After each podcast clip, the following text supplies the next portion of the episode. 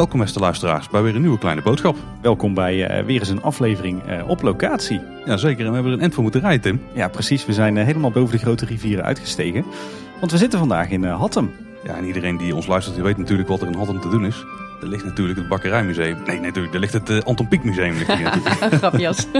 Daarom zijn we ook hier, want we zitten bij Francine Oonk. Francine, eh, welkom in Kleine Boodschap. Dankjewel, dank jullie wel. En eh, ja, waarom zitten we bij Francine ook? Francine, je mag jezelf dadelijk natuurlijk even voorstellen. Maar we gaan het in deze aflevering eh, hebben over eh, Anton Pieck.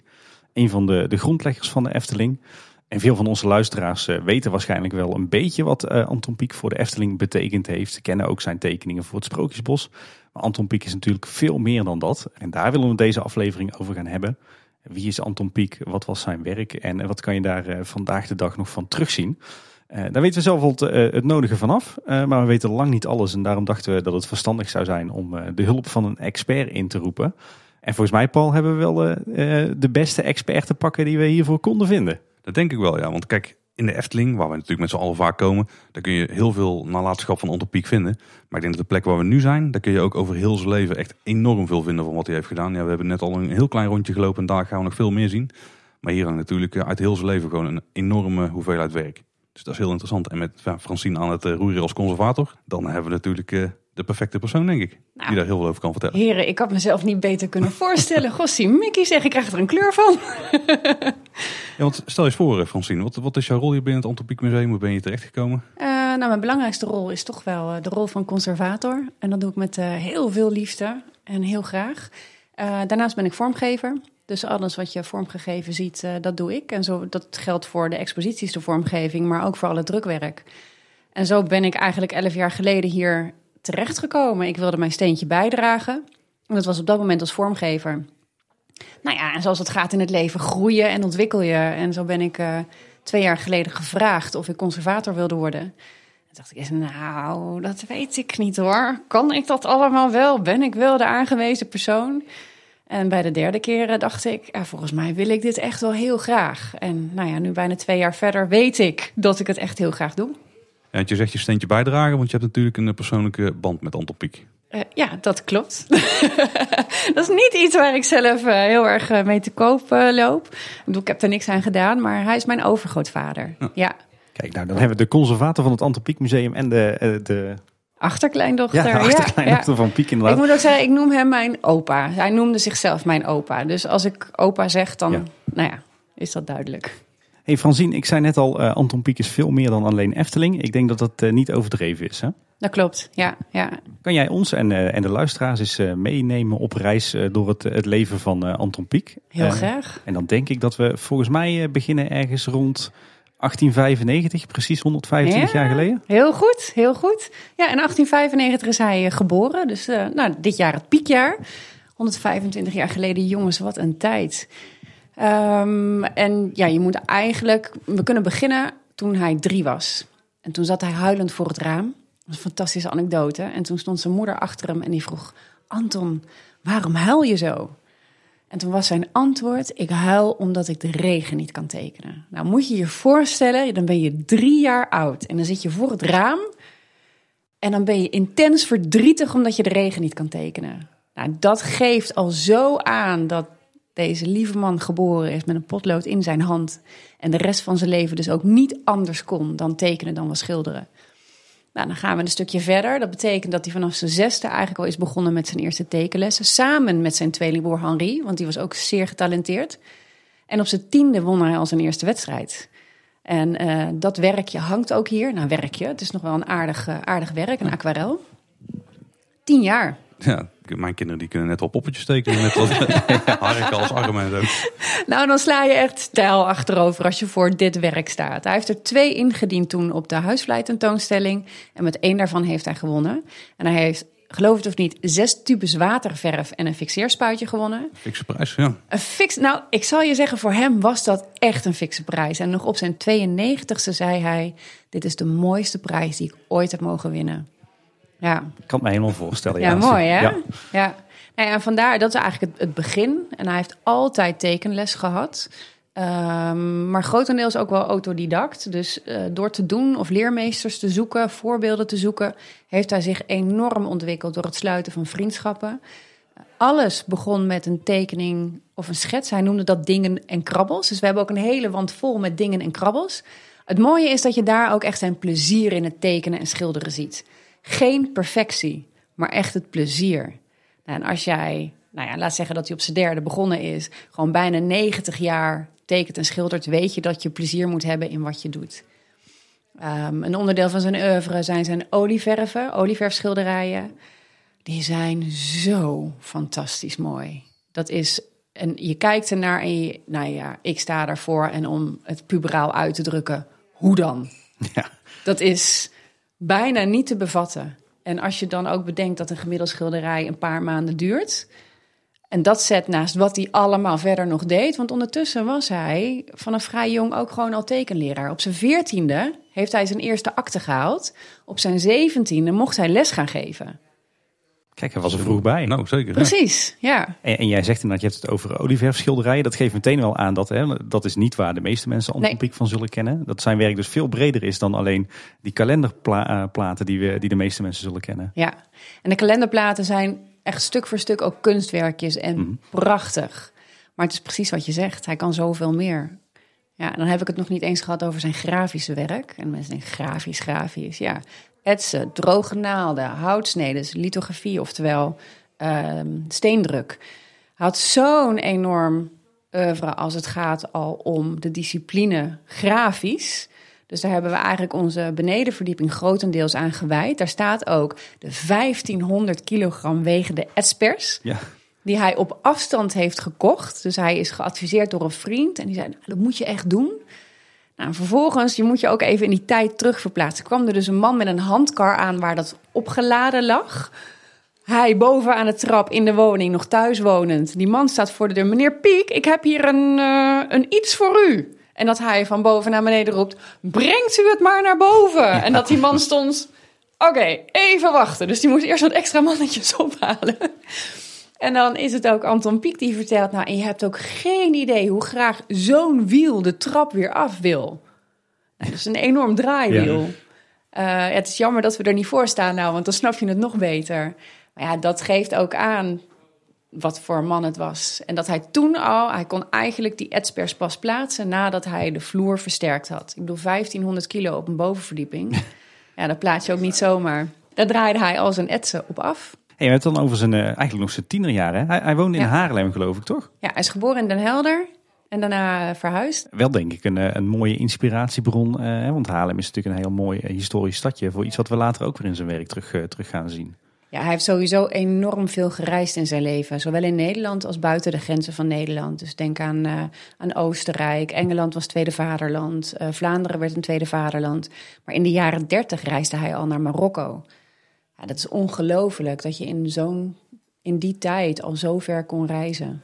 Ja, want neem ons even mee. Op zijn zeventiende werd hij dus tekenleraar, maar hij was niet alleen maar eh, tekenleraar. Hè? Nee. Nou, wat voor hem heel belangrijk was, was um, hij wilde een baan. Dus hij wilde zekerheid, zowel voor zijn gezin uiteindelijk als voor zichzelf. Plus dat stelde hem in staat om kritisch opdrachten aan te nemen. En dat betekent dat alles wat hij gemaakt heeft, heeft hij ook echt vanuit zijn hart gemaakt. Dat is niet omdat hij daar geld mee moest verdienen. Nee, dat is omdat hij daar volledig achter stond. Als je kijkt naar de boeken die hij geïllustreerd heeft, meer dan 350 boeken heeft hij geïllustreerd. En denk, dit is allemaal naast zijn baan als tekenleraar. Meer dan 350 boeken. Elk boek heeft hij gelezen. Kijk. Want hij moest zich kunnen vinden in dat verhaal. Je zegt hij las al die boeken, maar volgens mij eh, was hij ook dag en nacht aan het tekenen, toch? Ja, ja wat hem betreft, zodra het licht buiten aangaat, uh, begint hij. Uh, en dat betekent gemiddeld een, een 12 uur op een dag wat hij makkelijk maakte. Je moet je ook voorstellen dat in Overveen, waar hij dus uiteindelijk woonde, was de begane grond, kwam je binnen. Dat was het domein van het gezin, van eigenlijk gewoon zijn vrouw en zijn kinderen. En dan had je de tweede verdieping, dat waren de slaapvertrekken. Maar de eerste verdieping, dat was het vertrek van Anton Pieck. En dat was voor- en achterkamer. En daar gebeurde het. En daar stapt hij ook echt een andere wereld binnen. Eigenlijk wat wij proberen te bereiken op het moment dat je hier het museum binnenstapt, dan stap je de wereld van Anton Pieck binnen. Qua geur, qua kleur, qua voorwerpen, qua alles wat je zag. Uh, Persische tapijten, Marokkaanse tegeltjes, uh, Romeins glas, uh, oud-Delfts aardewerk, ja, noem het maar op. Hij verzamelde ook al die oude dingen. Dus hij was een liefhebber van het alles. Dus dat zie je niet alleen terug in wat hij schildert en tekent, maar dat zag je dus ook terug in wat hij verzamelde. Ja. En, en als we even kijken naar de, de, jaren voor de Tweede Wereldoorlog. Um, je, je, ging er net al heel snel voorbij wat hij allemaal wel niet deed. Ja. Hij was dus tekenleraar. Daarnaast was hij wat je tegenwoordig misschien wel freelancer uh, zou noemen. Kan je eens een indruk geven wat hij in de jaren allemaal, uh, allemaal produceerde? Om het maar even oneerbiedig te zeggen. Oh jeetje, dat is zo ongelooflijk veel. Bijna moet je dan een onderscheid maken in zijn disciplines. Um, en daarmee dus ook in tijdsvakken. Dus als je door deze expositie loopt uh, zie je ook uh, de jaartallen erbij staan, waardoor je ook inzicht krijgt in wat hij tegelijk deed en wat elkaar opvolgde. Dus zijn grafische werk is vrij vroeg.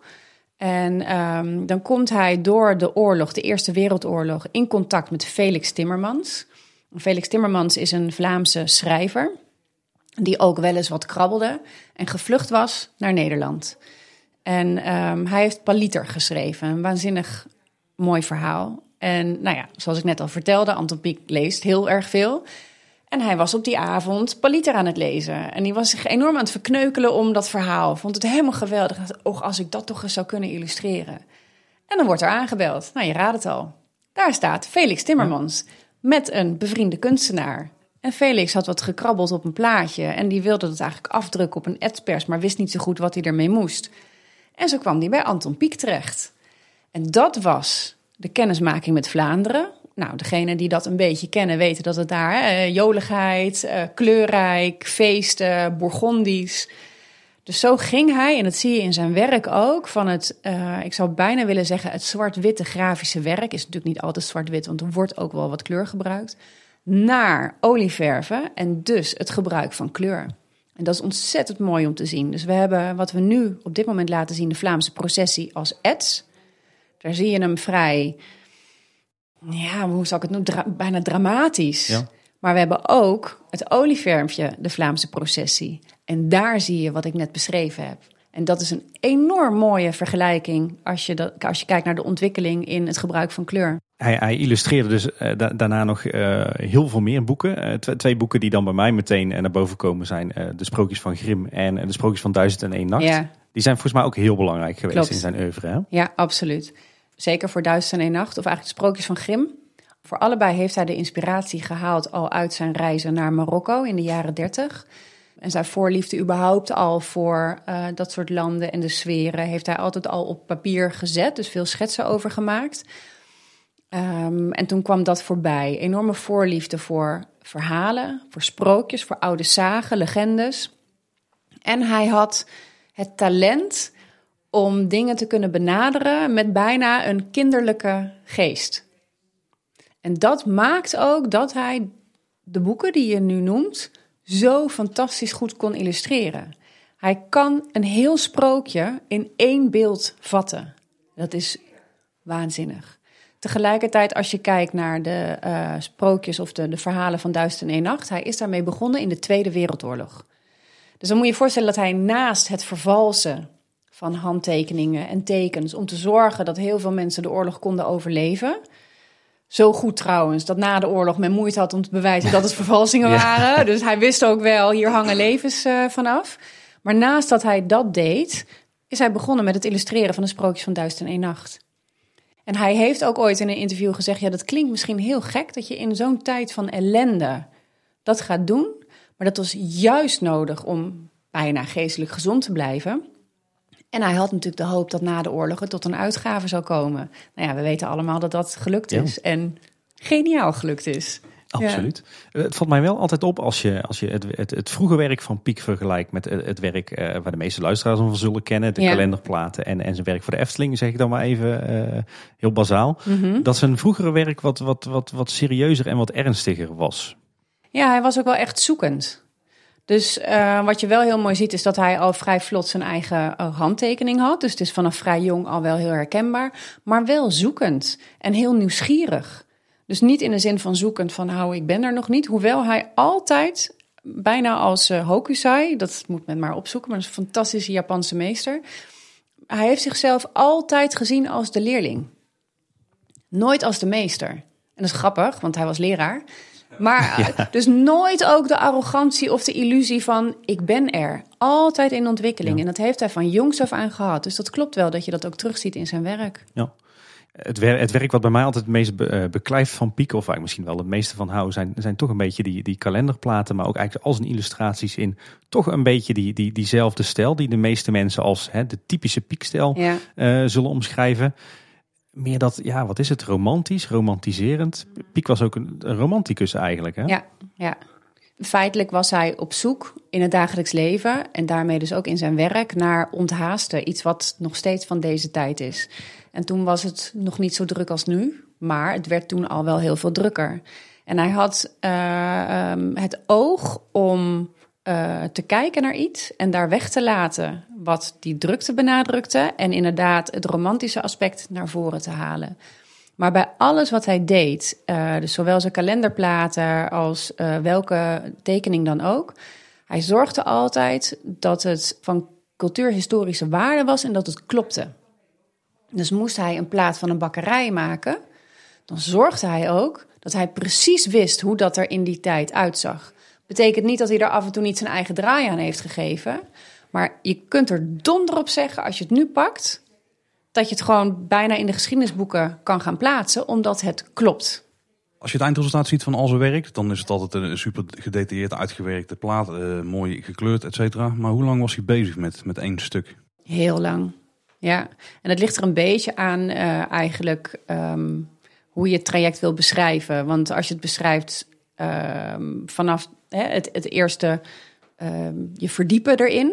Hè, dus naar bibliotheken gaan, naar dierentuinen gaan, naar bepaalde musea gaan. Uh, uh, nou, dan gaan daar echt maanden, soms wel jaren overheen. En hij pakte soms ook wel tekeningen terug van reizen of waar hij eerder geweest is. Hij had ook een enorme boekenkast met naslagwerken. Hij zorgde dus dat het klopte. Um, en het tekenen zelf ja, was heel erg afhankelijk. Weet je, um, hij was een jaar tevoren, begon hij al aan de kalender voor het jaar erop. Volgens mij was de bedoeling per week zelfs, dacht ik, een plaat te doen. En uiteindelijk waren ze zo mooi dat het per maand werd. En sommige zelfs voor een heel jaar. Want ten eerste, hij kon er niet tegenaan werken. Dat was gewoon niet te doen. Juist door dat detail en door die precisie en door het verhaal wat hij met elke plaat wilde vertellen, lukte dat gewoon niet.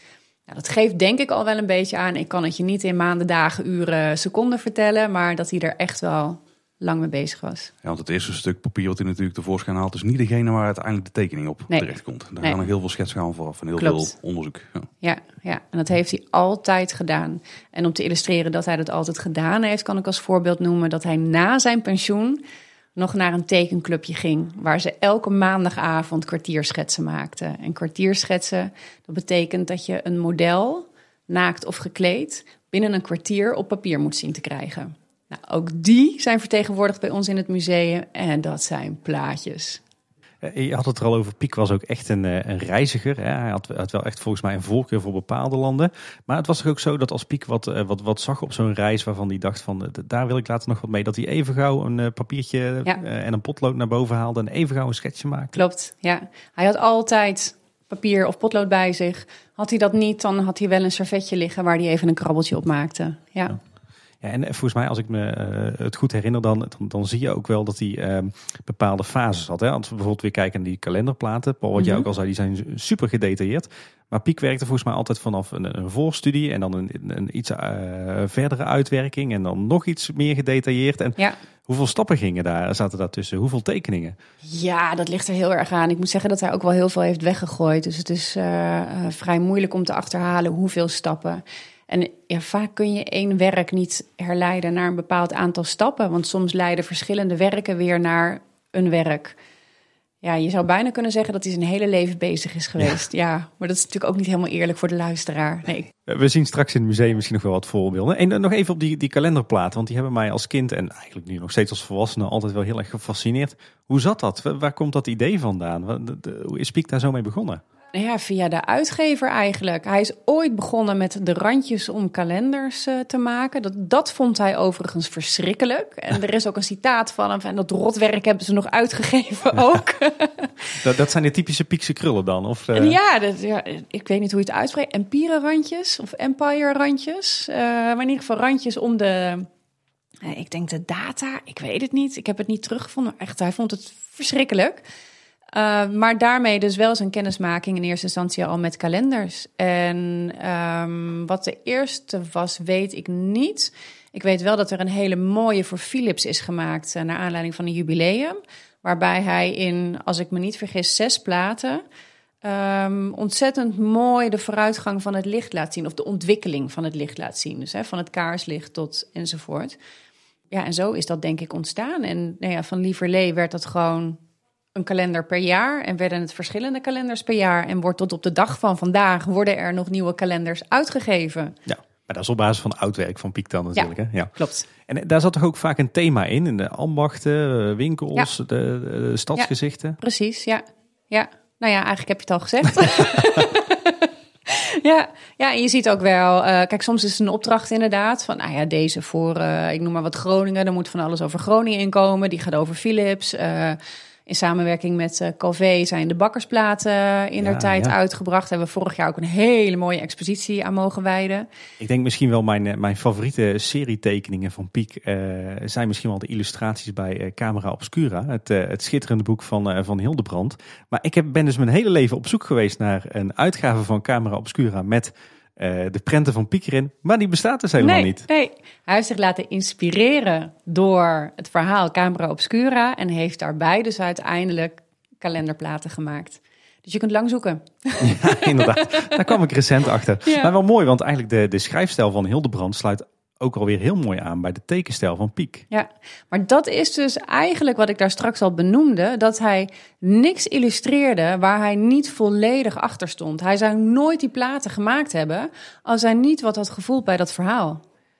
En dat is ook, nou ja, wat je terugvoelt in de platen die hij gemaakt heeft als we naar die kalenderplaten kijken, dan, dan komen daar voor mijn gevoel ook altijd een beetje bepaalde dingen in terug. Piek had volgens mij een beetje een voorliefde voor de bordjes en uh, een voorliefde voor uh, licht achter de ramen. Ja. Wat, kan, kan jij zo een beetje voor onze luisteraars aangeven wat, wat het nou typisch Pieks is aan die prenten? Uh, nou, heel erg detail. Oog voor detail. het neerzetten van de sfeer. En dat zie je inderdaad terug in de lichtjes van binnen naar buiten.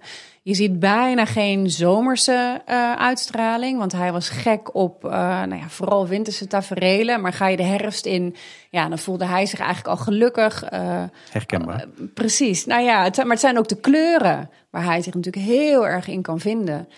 Dus sfeer, detail. er is echt nagedacht over het verhaal wat hij wil vertellen in zo'n kalenderplaat. En op, maar op het moment dat je het over een stadsgezicht hebt dan heeft hij heel goed nagedacht over waar, die, waar zo staat zo'n stad voor. Oké, dan ga ik de Martini-toren doen. Maar waar staat hij nou eigenlijk in? En wat heeft hij allemaal meegemaakt? En dat zie je terug. Ja, dat is gewoon de piekhandtekening. Ja, anders kan ik het niet maken. Ja. En eh, wat mij ook altijd wel opvalt, is dat het bijvoorbeeld ook uh, bouwkundig helemaal klopt. Hè? De, de, de balken, de dakpannetjes, de, de, de baksteentjes. Iets wat vaak in tekeningen van andere illustratoren maar bijzaak is. Is volgens mij voor Piek altijd heel belangrijk geweest Klopt. in het uitwerken van zijn tekeningen. Ja, ja, en ik denk ook wel dat je daar heel goed terugziet dat hij ook tekendocent uh, was. Dat was iets waarvan hij ook vond dat dat moest kloppen. En zelfs als je zelf niet tekent, je voelt het in een werk als dat niet klopt.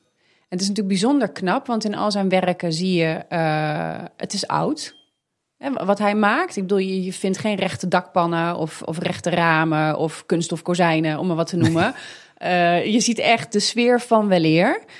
En dat moet je dan dus zien te tekenen met het juiste perspectief. Ja. En de horizon op de juiste plek. En uh, dan doe je het uh, vanuit welk perspectief pak je het. Dat moet kloppen en toch moet het oud aanvoelen. Ja, dat is bijzonder knap. Ja. Ja. want ik heb ook wel het idee, hij, hij gooit er wel nog net even een extra sausje overheen. Hè? Want je zegt al, het moest oud zijn, maar het, het is ook altijd wel nog net wat meer ja. verweerd. En nog, ja, ook een beetje op een romantische manier. Ja, klopt. Ja, ja, ik ben het helemaal met je eens. Wat ik me trouwens wel nog afvraag. eh, Ik heb altijd gedacht dat er een bepaalde periode was die die, die, die Piek heel graag eh, tekende en schilderde. Eh, laten we zeggen 1880, eh, 1900 of zo. Maar eigenlijk, als je de tekeningen van Piek en ook zijn kalenderplaten goed be- gaat bekijken, dan is die periode veel breder dan dat. Hè? Nou, het was vooral echt wel vroeger. En dat is breed, maar ehm, ik denk 18e en 19e eeuw. Dat is de periode waarin hij misschien nog wel het liefst geleefd had. Dan wel met de gemakken van de eeuw waarin hij eh, geleefd heeft, dat dan weer wel. Maar dat is waar, eh, ja, waar zijn hart naar uitging. Ja, dat klopt. En dat is natuurlijk ook wat hij terugvond in landen als Marokko, maar ook in Engeland. Eh, want in Nederland waren we continu bezig met vernieuwen, hè? de nieuwbouwwijken, het oude afbreken en nieuw neerzetten. Eh, in landen als Engeland en Marokko helemaal, daar waren ze helemaal niet mee bezig. Dus daar stond wat dat betreft de tijd stil. Ja. Dus daar vond je eigenlijk, wat je net noemde op de kalenderplaten, die uithangbordjes. Nou, ga naar Engeland. Dat is echt walhalla van de uithangbordjes. eh, en, en landen als, als Oostenrijk, eh, daar ging hij naartoe. Omdat daar de tijd stil was blijven staan. En hij daar die elementen eruit kon halen. Ja. Vandaar dat hij waarschijnlijk ook zo van Vlaanderen hield. Want er was alles Ja. natuurlijk ook nog een beetje oud. Precies, Ja. ja. En daar zitten ook vaak grapjes verstopt een beetje in de tekeningen van Oh, Piek. hij had zo'n humor. Ja, ja, hij had zo ongelooflijk veel humor. En dat is eigenlijk zo niet te beschrijven. Dat moet je echt komen beleven hier.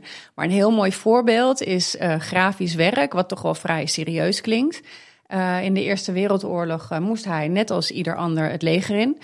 En hij was onder andere in Amersfoort gelegerd. En hij was nogal populair bij zijn mede-legergenoten, als je het zo moet noemen. Hij had de leiding uiteindelijk. En dan moet ik trouwens bij vertellen, dat is wel een hele leuke anekdote. Dat hij zich inschreef voor het leger. En dan wordt er gevraagd, goh, wat is uw eh, beroep? En toen zei hij, schilder. Nou meneer, fijn, dan mag u de wc's komen witten. Dus dat is wel... Nou ja, daar kon hij wel, wel geinig mee omgaan. Maar uiteindelijk hadden ze wel door... Nou, die piek, daar hebben we niet zo heel veel aan. Dat is een dromer, dat, eh, die gaat niet ver komen. Die laat hem maar tekenles geven. Dat is hij gaan doen. En af en toe nam hij dan ook zijn eh, ehm, legergenoten mee op exercitie. En eh, dat was wel heel fijn, want dat betekende eigenlijk dat hij twee man op wacht zette. Dat iedereen lekker een dutje kon doen en hij kon gaan tekenen. en dat is ook wat hij het liefste deed. Nou is de Eerste Wereldoorlog, ehm, hebben we in Nederland nog niet zo heel heftig beleefd. Dus dat betekende voor hem dat hij ontzettend veel mogelijkheden had ook om te reizen. Eh, en vanuit de kazerne werd dat dan gedaan. Dus hij is ook heel veel Amersfoort in geweest. Daar heeft hij heel veel getekend. Ehm, maar om zijn humor te illustreren, ehm, wil ik heel graag verwijzen naar de drie vogelskeletjes. Er was namelijk eh, nou, iemand uit het leger die daar een wandeling had gemaakt. Die kwam langs een ruïne en die zag daar vogelskeletjes liggen. En gek genoeg dacht hij, dat is wat voor eh, meneer Piek, die neem ik mee. Nou, hij heeft ze inderdaad getekend, verwerkt in een ets, maar hij heeft ieder vogelskeletje een instrument gegeven. Geniaal gewoon. Dat zijn zulke fantastische kunstwerkjes. Plus, ik vind dat het heel goed illustreert niet alleen hoeveel humor hij had, en dat hij, maar ook dat hij door alle ellende heen nog het moois in de wereld zag. En dat hij dat dus ook wilde delen. Schitterend. Ja, En als we het dan toch over die grapjes hebben, wat ik me ook altijd heb, heb afgevraagd is, in heel veel piektekeningen, ik wou bijna zeggen bijna alle piektekeningen, maar dat is niet waar, maar in heel veel piektekeningen zie je eh, of een zwarte kat, Ja. of een, eh, een heer met een slipjas en een hoge hoed, die er altijd een beetje hetzelfde uitziet. ja. Of een dame met, met een jurk en, eh, en een hoofddoek en een, geblokt eh, kleed om.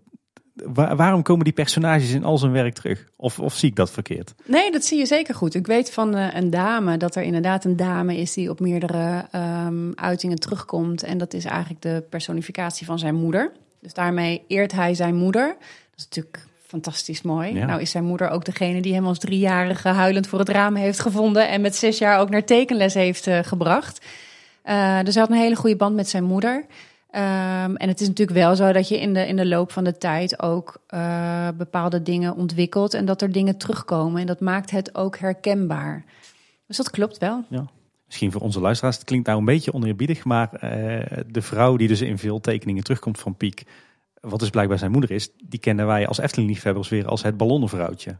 Ja, nou, de, zijn moeder was wat slanker. Dus ik denk dat wij het dan over een andere dame hebben.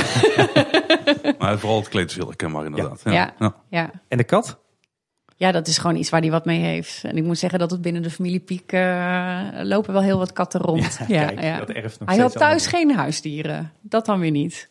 Wat ook wel interessant is, die staat natuurlijk bekend om zijn zeer gedetailleerde tekeningen, Ja. maar was ook wel van het simpel houden. Of zo simpel mogelijk in ieder geval. Ja, ja, echt de kracht van de eenvoud. Ja, daar was hij heel sterk in.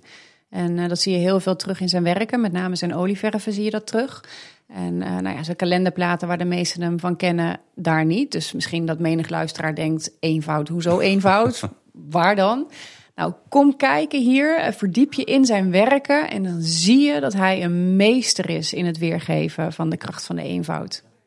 Hey Francine, we hebben het gehad over, over eh, het grafisch werk van Piek, hè, over zijn werk als tekenleraar. We hebben het gehad over zijn eh, boekillustraties, over kalenderplaten, over eh olieverfschilderijen, over eh, drukwerk, etsen. een veelheid aan, aan Ja. eigenlijk allerlei soorten vormen. Ja, Mis ik dan nog iets in, in, in mijn beeld van hoe breed Piek eigenlijk was? Uiteraard, want het is eigenlijk gewoon niet te omschrijven hoe breed. eh, maar ik denk dat je het toch wel heel aardig opgezomd hebt. Ja, Eh, We hebben het net al even gehad hè, over zijn rol in de, in de Tweede Wereldoorlog. Hij was eigenlijk verzetsheld. Ik denk dat ik dat niet overdrijf. stil verzet. Ja. Dan is de Tweede Wereldoorlog voorbij. Hij gaat dan verder met, met boeken illustreren. En dan wordt het op een gegeven moment 1951. En dan? Ja, en dan, dan, komt er, eh, dan wordt hij op een dag gebeld door een eh, Peter Reinders, jullie wel bekend. en eh, die heeft zo de sprookjes van Grimm gezien en geïllustreerd door Anton Pieck. En eh, nou, hij, het leek hem eigenlijk al wat dat Anton Pieck dan de, ontwerptekeningen ging maken voor nou ja, dat park wat er zou komen. Of Anton Pieck daar oren naar had. Nee, zei hij. Dus eigenlijk was Peter Reiners een beetje uit het veld geslagen. Hoezo nee? Ja, eh, ja papier maché en dat soort. Dat moet, ik wil me niet verbinden aan iets wat eh, vergankelijk en enzovoort. Nee, eh, kwaliteit, daar ga ik voor. Nou, dacht Peter Reiners, maar volgens mij zitten wij toch wel aardig op één lijn. Zou ik dan misschien een keer een kopje koffie mogen komen drinken? Nou ja, en eigenlijk zag Anton Pieck dat niet heel erg zitten, maar hij was eigenlijk te beleefd om wederom nee te zeggen. Dus eh, dat eh, beoogde kwartiertje bij hem thuis aan de koffie werd heel wat langer. En nou ja, daar is een enorm vruchtbare samenwerking eh, uit voortgekomen. Namelijk, nou ja, het Sprookjesbos, de Efteling. Ja, de Efteling. Ja, Ja, op zich is dat wel leuk, want heel veel mensen, de Trussen uit Delft, zoals wij dat dan zo mooi zeggen. Maar ik denk misschien ook al onze luisteraars, die denken vaak van Anton Pieck is de grondlegger van de Efteling. Dat is niet helemaal hoe Nee. het zit. We, hebben, we hebben zelf al eh, verschillende afleveringen gemaakt over de geschiedenis van de Efteling van voor 1952. Ehm, maar om jullie toch even snel nog mee terug te nemen, want dan kan je misschien ook beter eh, kaderen hoe Anton Pieck in dit verhaal eh, belandt. Ehm, er was natuurlijk vanaf eh, 1935 een speeltuin en wandelpark op de plek waar nu de Efteling ligt. Na de Tweede Wereldoorlog was het de burgemeester van der Heijden van, van de gemeente Loon op Zand. Die zag daar kansen om er een eh, recreatiepark te ontwikkelen. Niet alleen voor het dorp en voor de dorpen er rondomheen, maar voor de hele regio. Eh, die organiseerde daar eh, tentoonstelling De Schoen. En nadat dat een groot succes was gebleken, ontwikkelde hij de plannen voor wat we nu kennen als de Efteling. Nou, hoe raakte daar Peter Reiners nou bij betrokken? Het was de vrouw van Van der Heijden, zoals het vaak de vrouw is die met de goede ideeën komt uiteraard. die, ehm, die een sprookjesbos had gezien eh ter gelegenheid van de, eh, het jubileum van Philips in Eindhoven. Ik zeg sprookjesbos, het was meer een sprookjestuin. En zij had zoiets van, dat is misschien wel een goed idee. Daardoor ehm, raakte Peter Reiners betrokken bij de ontwikkeling eh, van de Efteling. En het was dus Peter Reiners inderdaad, zoals je al zegt, Francine, die Piek dan weer kende van die tekeningen Ja. eh, van de sprookjes van Grimm. eh, waardoor hij dacht van, dan moet ik bij Piek zijn. En misschien dat het ook wel Pieks beeld was van de sprookjestuin in Eindhoven, die wel van karton en eh, papier maché was, waardoor hij in eerste instantie twijfelde. Ja, of het dat precies is geweest, weet ik inderdaad niet. Ehm, maar ik weet wel dat hij de indruk had van, nou, dat wordt papier maché en eh, dat gaan we niet doen. Nee. En gelukkig. Want, want eh, dit, dit was even, even in een notendop. eh een mooi. beetje de mooi ontstaansgeschiedenis van, van de Efteling. We kunnen het daar nog veel langer over hebben. Dat hebben we ook al wel eerder gedaan.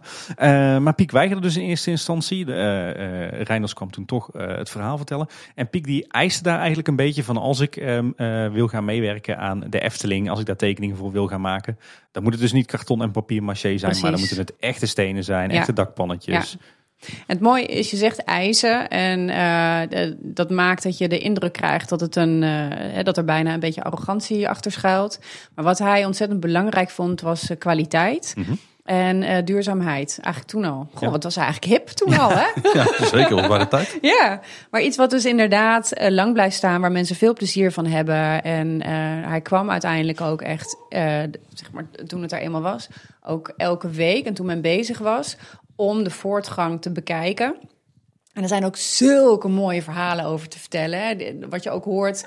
ehm, ik sprak laatst iemand die hem ook uit die tijd gekend heeft. Zei, altijd met de hoed in de hand groetend. Altijd even vriendelijk. 9 van de 10 keer wist hij je naam en zelfs de namen van je kinderen. Maar wel kritisch. Dus als jij dan aan het bouwen was en je was in gesprek met hem daarover. En dan zei hij: Ja, maar als je nou. Het is mooi gedaan, maar als je nou dit of dit doet, of zus of zo. En ja, en aan het einde van, van het verhaal wisten ze: Moest je het afbreken. Tot op eigenlijk de eerste steen weer. En weer opnieuw opbouwen. En dan vertelt Anton Pieck ook zo mooi: Ze dachten dat we gek waren. Nu weten ze dat we gek zijn, maar ze doen wel wat we vragen. Geniaal. Ja, ja, we kennen natuurlijk ook allerlei anekdotes waarvan we ons natuurlijk maar moeten afvragen in hoeverre dat ze waar zijn. En dat, dat Piek eh, de timmermannen van tevoren een borreltje gaf, want dan zouden ze wel Ja. eh, schuin timmeren. Eh, het verhaal van Marie van Heumen die met een, een, een hamer flink wat deuken moest slaan Ja. in de schoorsteenpijp. Ja, Ehm, wat ik, maar die kloppen, hè? Kijk, die krijgen nou voor eens en altijd bevestigd. ja. Dat is niet En ook altijd- linkshandigen die rechtshandig moesten metselen en andersom. Dat borreltje trouwens, dat zal een grapje zijn, want hij zal niet serieus met het café ingedoken zijn. Maar eh, ja.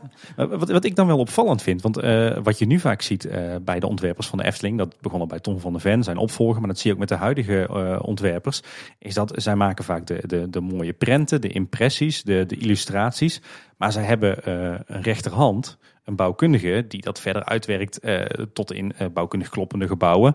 En vaak nog engineers tegenwoordig, die dat weer in allerlei detailtekeningen eh, uitwerken. Maar als ik de tekeningen van Piek zie, dan zijn dat niet die, die, die, die schitterende tekeningen van hoe het er uiteindelijk uit moet zien. Die heeft Piek natuurlijk ook wel gemaakt. Maar voor mijn gevoel tekende Piek altijd hele technische werktekeningen ook, Ook. wel. Ja, ja. Er was een ontzettend goede samenwerking wel tussen Anton Pieck en Peter Reinders ook. Eh, dus dat deed heel veel. Maar hij gaf inderdaad al heel vaak op zijn tekeningen aan wat de afmetingen moesten zijn. En als je kijkt naar het ontwerp van eh, Kleine Boodschap. Hey. hey, hey, hey, dat is toevallig. maar dan zie je ook inderdaad eh, verschillende aanzichten van, van de hand en welk formaat dat dan moet zijn en welke kant die op moet draaien. En bij Langnek zie je inderdaad zelfs hè, hoe dat dan onder de grond eh, gedaan zou moeten zijn. Dus hij had ook een enorm technisch inzicht. Maar dat is ook, want het is net in het benoemen van zijn oeuvre eigenlijk niet eens voorbij gekomen. Maar hij ontwierp ook huizen. Oké, dat wist ik niet. En dat is wat je dan dus ook weer terugziet in deze ontwerpen. Dus dat technisch bouwkundige inzicht had hij ook. Ik bedoel, je moest hem die huizen niet laten bouwen, zover ging het niet. Maar hij snapte wel hoe het in elkaar zat. Ik wil een huis wat ontworpen is, Anton Pieck. Je woont vlakbij het Anton Pieckplein, eh, Tim. ja, ander Anton Pieckplein is dat, ja. Ja. Waar ik nog wel benieuwd naar ben, is als je tegenwoordig eh begaafd illustrator bent en je komt bij de Efteling en die komt ermee in contact, wordt een nieuw parkje ontworpen. Ja, dan wordt er natuurlijk overlegd eh, over een contract, hè, er wordt er onderhandeld, dan zit er Ja. een looptijd aan en zo. Maar hoe ging dat bij Piek? Want die is voor, voor mijn gevoel altijd gewoon begonnen en eigenlijk ja, nooit weggegaan. Ja, dat is het wel. Hij lag natuurlijk aan. eh, ehm, nou ja, hij, hij is een van de grondleggers. Of hij was, moet ik inmiddels zeggen. Ehm, hij is daar inderdaad begonnen. En dat is het mooie wat je dan ziet ehm, als je begint en aan, aan het begin staat, aan de geboorte van de ontwikkeling van zoiets prachtigs. Dan neem je niet na vijf jaar ontslag. Je bent onderdeel van wat daar gebouwd wordt. Het is geen baan. Ik bedoel, het hoort bij je.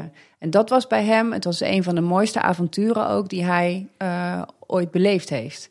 En voor iemand die zoveel gezien heeft, eh, is dat toch wel een hele mooie uitspraak. Want werkte hij eigenlijk bij de Efteling? Was hij bij de Efteling zelf in dienst? Of was hij toch eh, een soort van freelancer die door de Efteling werd ingehuurd? Ehm, ja, goh, dat zou je bijna juridisch moeten gaan benaderen. Dan moet je eigenlijk niet bij mij zijn. Nee. Ja, wat mij betreft was hij Efteling en was de Efteling Anton Pieck. Ja. Dat is zo verbonden. Ja, nee, maar omdat je zegt hij kwam iedere vrijdag in de Efteling. Was het zo dat hij daarnaast naast zijn werk bij of voor de Efteling ook nog allerlei andere dingen deed? Hij was natuurlijk tekenleraar. Ja. Dat deed hij er gewoon naast. Ja. Dus, die eh, periode heeft hij die ook nog gedaan. hij heeft eh, zijn hele leven eh, is hij tekenleraar geweest. Ja. Ja, en dat was ook, hè, dat maakte dat hij heel kritisch kon zijn in het zoeken van zijn, of in het uitkiezen eh, van zijn opdrachten. En dit was echt wel iets waar hij met hart en ziel voor gekozen heeft. Ja, want hoe eh, stond hij daar zelf in? Want hij maakte al heel zijn leven tekeningen. En Ja. Hij heeft huis ontworpen. Ik weet niet of dat die dan gebouwd zijn ook. Ja, Ja, ja en Autotron, Rosmalen natuurlijk. Ja. Dat heeft Ja, hij ja, ook ontworpen. Oh ja, ja. Maar dat is na de Efteling. Ja. Ik was vooral heel benieuwd van, hij maakte... Nou, de sprookjes is misschien de makkelijkste manier om op te projecteren. Want hij illustreerde heel lang sprookjes. Ja. Maar ineens worden ze dan echt uitgevoerd. Dan zijn ze in één keer tastbaar. En kun je ernaast gaan staan of in gaan staan in heel veel gevallen. Hoe beviel dat bij hem, zeg maar? Ja, dat is natuurlijk fantastisch. En wat hij dan ook deed, eh, was familie meenemen. hè, Zijn eigen kinderen meenemen. Die hij overigens überhaupt wel heel erg betrok bij de ontwikkeling hiervan. Hij was in staat om eh, eh, vanuit het kind zijn dat te benaderen. Ehm, maar vond het ook wel heel fijn om het te delen dus weer met kinderen. En om ook te zien wat dat doet. En dat heeft hij geniaal gedaan. Ja, voor hem was het een feest. En anders ga je ook, want hij, toen hij op leeftijd was, kwam hij dus ook nog elke week daar. Dat is ongelooflijk. Dat, dat doe je echt niet als het je niks doet. Nee, precies. Nee. Want eh, eh, Piek kwam, eh, raakte zeg maar eind 1951 betrokken bij, bij de Efteling. Ja. Hij bleef er denk ik actief tot midden jaren 70. Eh, precies een jaartal weet ik niet, maar ik weet dat Ton van de Ven toen eh, in dienst is gekomen. En eh, die heeft langzaam aan het overgenomen van Anton Pieck. Dus, dus nou, dat weten jullie bijna nog beter dan ik. Maar een mooie samenwerking tussen die twee. eh, en uiteindelijk heeft hij dat overgenomen. En hij noemde dat dan ook met de geleende hand van Anton Pieck. Een zachte overdracht. Ja, Ja, precies. Ja. precies. Ja, want, wat wel goed is om te weten, we hebben het vaak als we het over Anton Pieck hebben en zijn werk voor de Efteling over het Sprookjesbos. Anton Pieck heeft natuurlijk ook ontzettend veel sprookjes ontworpen eh, in het Sprookjesbos, maar hij heeft veel meer gedaan voor de Efteling. Hè. Eh, Denk bijvoorbeeld aan alle bouwseltjes in de vroegere speeltuin en wat we nu kennen als het, eh, het oude Anton Pieckplein. Dat is van de hand van Pieck. Eh, denk aan het carouselcomplex. Denk aan alle draaimolens waar dat hij ook nog aanpassingen aan heeft gedaan. De Indische waterlees is natuurlijk ook een sprookje, maar toch wel een project op zichzelf. Het diorama, het waterorgel, maar ook volgens mij talloze bankjes, talloze huisjes, eh, de wachthokjes bij de Roei en de precies. Kano-vijver, Nou ja, oog voor detail, hè? Prullenmanden. prullenmanden, ja, bordjes. Eh, hij ontwierp echt eh, zo'n beetje alles. Alles. in die tijd. Ja. Hè? Dat klopt.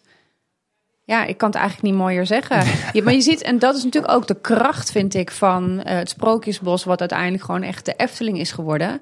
Eh, dat zelfs vandaag de dag nog. Je voelt het DNA van Anton Pieck in alles zitten. In het vertellen van het verhaal, in de details, in kleurgebruik, in aanleg van het groen.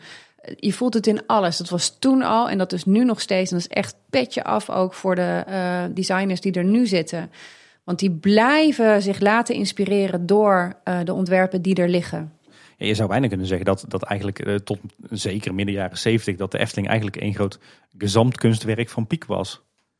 Want, Ja. voor- want volgens mij ontwierp hij zelfs dingen als briefpapier en Klopt. bestek en stickers en, eh, dat soort Ja, het is eh, niet werken. zozeer dat hij dat ontwierp, maar dat inderdaad eh, eh, ontwerpen van hem gebruikt werden om dat vorm te geven. Ja, dus de kleine boodschap werd uiteindelijk, nou ja, eigenlijk gewoon het logo. Beeldmerk, ja. ja. Maar wat vond hij er eigenlijk van? Want er zijn wel een aantal gebouwen in de jaren eh, gebouwd die niet op Piek zijn ontworpen. Hè? Het café-restaurant, eh, het zwembad, het theehuis. Eh, volgens mij de, de, de, toegangspot, entreegebouw, wat kantoren. Eh, vond hij dat een probleem of maakte hem dat niet zoveel uit? Nou, ja, ik zat niet naast hem. Dus ik, het is wel heel erg lastig om echt eh, ehm, te spreken namens hem in dit geval. Ehm, ik kan in dit geval alleen zeggen wat ik daarvan vind. En ik denk, er zijn natuurlijk gesprekken geweest die misschien niet helemaal zijn gelopen zoals hij dat wilde. Ja, dat is overal zo. Je kunt niet alles hebben zoals jij het bedacht hebt. Eh, ik denk wel dat hij zoveel mogelijk overal zijn stempel op heeft weten te drukken. Ehm, wat heeft gemaakt dat de Efteling heden ten dagen is wat de Efteling is. Een, een, een anekdote, of, of eigenlijk eh, misschien is het wel een urban legend, eh, eh, die ik me altijd heb afgevraagd hoe dat nou eh, zat, is hij had in de Efteling schijnbaar de bijnaam de milde dictator. Ja, Waar kwam dat dan vandaan? Want voor mijn gevoel is Anton Pieck juist een hele zachte, amabele man. absoluut. Dat, dat was hij ook. Maar hij wist ook heel goed wat hij wilde. En hij kon dat ook wel heel goed overbrengen. En dat is eigenlijk het, het verhaal wat ik vertelde over... hij is met je in gesprek over wat je aan het bouwen bent... en aan het einde van het verhaal heb je het afgebroken... en moet je het weer opnieuw bouwen. Maar hij wist dat zo te brengen dat je je erin kon vinden. En het is gewoon natuurlijk heel rot dat jij waar je bloed, zweet en tranen in hebt gestopt... dat je dat moet afbreken. Maar uiteindelijk is het resultaat er wel naar. En ik bedoel, je gaat metselaars vertellen of, of bouwers, eh, vaklieden, dat ze hun schietlood thuis moeten laten. Ja, dat gaat natuurlijk niet. Want hoe moet je dan recht metselen? Nou, en dan moet je dan dus duidelijk gaan maken, en dat moet je wel echt duidelijk maken, dat je het niet recht gemetseld wil hebben. Dus in die zin de milde dictator. Hij wist heel goed wat hij wilde. Nou ja, en nogmaals, hè, ik bedoel, ze dachten dat we gek waren. Toen wisten we dat we gek waren. En nu doen ze wat we willen. Ja. Zegt genoeg? Wat zouden die bouwvakkers toen hebben gedacht? Dan krijg je zo'n prachtige Anton Pieck illustratie. Helemaal uitgewerkt, helemaal ingekleurd. Met allemaal eh, bewust eh, geplaatste lijntjes. Denk je dan van, oh, ik heb even snel een vodje gehad. En het zal wel gewoon eh, strak moeten zoals altijd. Ja, nou, zo zal het ooit begonnen zijn inderdaad. Ja. Inmiddels wel aangewend bij de Efteling. Nou ja, we kennen, we kennen ook recente voorbeelden van waaruit blijkt dat, dat, dat het heel moeilijk is. Hè? Eh, Ik denk dat de eigen organisatie van de Efteling met, met vormgevers en, en engineers eh, en bouwers, eh, dat die dat nog steeds heel goed in de vingers hebben. Maar kijk bijvoorbeeld naar de bouw van Bosrijk, zeker de eerste fase. Daar werd eigenlijk het, het, het ontwerpwerk en de, de uitwerking daarvan en de uitvoering volledig bij externe partijen neergelegd. Nou, ga maar in Bosrijk eh, kijken. Het voelt inmiddels redelijk Eftelings, omdat de interieurs later nog naar de Efteling zijn bijgeschaafd. Maar de buitenkant van de gebouwen in Bosrijk, die zijn recht toe recht aan. Ja, daar is, voelt weinig Eftelings aan. Terwijl men toch dacht van we gaan hier Eftelings bouwen. Dus het is meer dan alleen de keus van een baksteen. Ja. Ja, zeker. Ja. Nou, het mooie is dat ze tot op vandaag nog steeds durven te zoeken. Ja. Ja, dat is ook alweer mooi. Ja. We hadden trouwens nog een, eh, een vraag van een luisteraar. Die vroeg zich af, eh, eh, werd Piek in die tijd ook liefhebber van dit soort parken? Bezocht hij meer attractieparken in Europa? Nou, hij was geen liefhebber van drukte, dus dat denk ik niet, nee.